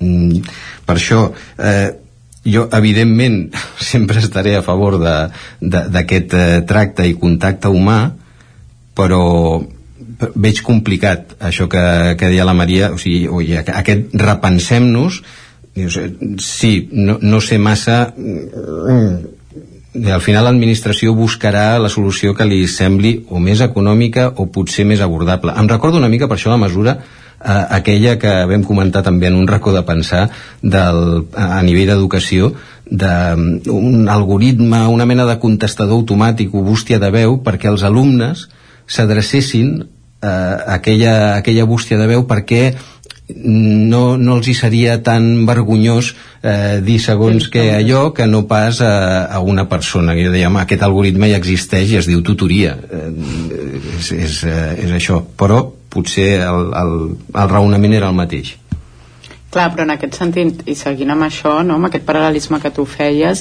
aquesta persona que tu descrivies que, fe, no, que, que feia tot aquest seguit de funcions i existeix, és una treballadora familiar o pot ser una psicòloga no, o pot ser uh, una treballadora social, educadora no, que, que pot acompanyar i que han estudiat no, per acompanyar les persones uh, que pateixen alguna malaltia. Vull dir que hi ha estudis no, i hi ha informació i hi ha formació no, perquè algú pugui fer aquesta, aquesta funció i a mi el que, el que no em quadra de tot això és uh, estem introduint aquest element però és que tenim persones capacitades no? i carreres formatives no? eh, i recorreguts laborals diguéssim per fer això que ho estan fent persones que no estan no, a ni ben remunerades ni reconegudes ni que hi ha prous places ni que estem sabent d'una sortida això no? um, per tant aquí és quan veig clarament que, que és una mesura que a part de, de poc humana perquè per mi l'escolta que pot tenir, o per exemple, si tu ets familiar d'una persona que té, no? que té aquesta malaltia que tu posaves, l'Alzheimer, no? i et trobes en aquesta situació jo tinc molts dubtes de si confiaria no? amb una màquina, diguéssim, no? amb un assistent robòtic en lloc de amb una persona no? que sé que té una sensibilitat, que sé que té unes emocions, que sé que té una escolta, que sé que té no? tot un reguitzell de capacitats que és el que ens fa profundament humans. No? Um, aleshores, a mi, quan, quan es treuen aquestes mesures, però tenim el món que tenim i tenim la, la relació en, pel que fa als llocs de treball, pel que fa la situació a les dones, no? perquè perquè moltes vegades són feines fetes per dones, no valoritzades, i que saps que és conseqüència d'un model econòmic més ampli, doncs a mi d'entrada dic, ups, un moment, no? Uh, no em genera gens de confiança no? en aquest sentit perquè crec que cal analitzar tot el que hi ha darrere no? també d'això. Sí, jo, jo diria mm, entre una màquina que ho faci molt, molt, molt bé, eh? I segons qui, bueno, eh, La tindria, màquina, tindria, no? tindria alguns dubtes. En, en l'altre llibre que, que he portat és un llibre d'en Ramon Alcoberro, que a més vaig tenir de professor de, de filosofia a COU, i és un llibre molt xulo que es diu Ex Màquina, eh, ètica, big data, algoritmes i, i robots. I és un, amb una sèrie d'articles molt, molt profuns i molt interessants. I precisament parla d'això, diu, es poden programar eh, robots per mostrar emocions expositives, programant accions no? que siguin variants simulades d'emocions. Si voleu una intel·ligència artificial que es pugui enfadar o envejar, es pot programar. Però de moment, diu ella, els malalts d'Alzheimer s'indignen quan un robot els indica que han de prendre la medicació i fins i tot els ataquen violentament. Mentre els robots no puguin tenir emocions o empatia i no tan sols simular interès per nosaltres, els seus usos socials es limitaran bàsicament als problemes de gestió. O sigui que potser no, no sé eh, com, com seran eh, si ja existeixen o sigui, aquests, aquests milions d'euros no sé ben bé eh, a què s'aplicaran però clar mm, fa, fa de a veure, malgrat això que jo estava dient ara em costa d'imaginar mm, quina mena d'assistents, quina mena d'aparença tindran, quina interfície de, de comunicació amb, amb, els, amb els malalts. Mm. També és veritat que hi ha residències, l'altre dia m'ho explicaven, que hi ha residències on estan funcionant molt bé gossos robot. Com per fer companyia. Sí, sí, sí, sí. Estan, estan funcionant molt i molt bé. Pere, endavant, que no vas intervenir just ara. no, és que, clar, eh, quan més humana volem fer la, la intel·ligència artificial sembla que més ens permetem deshumanitzar-nos nosaltres no?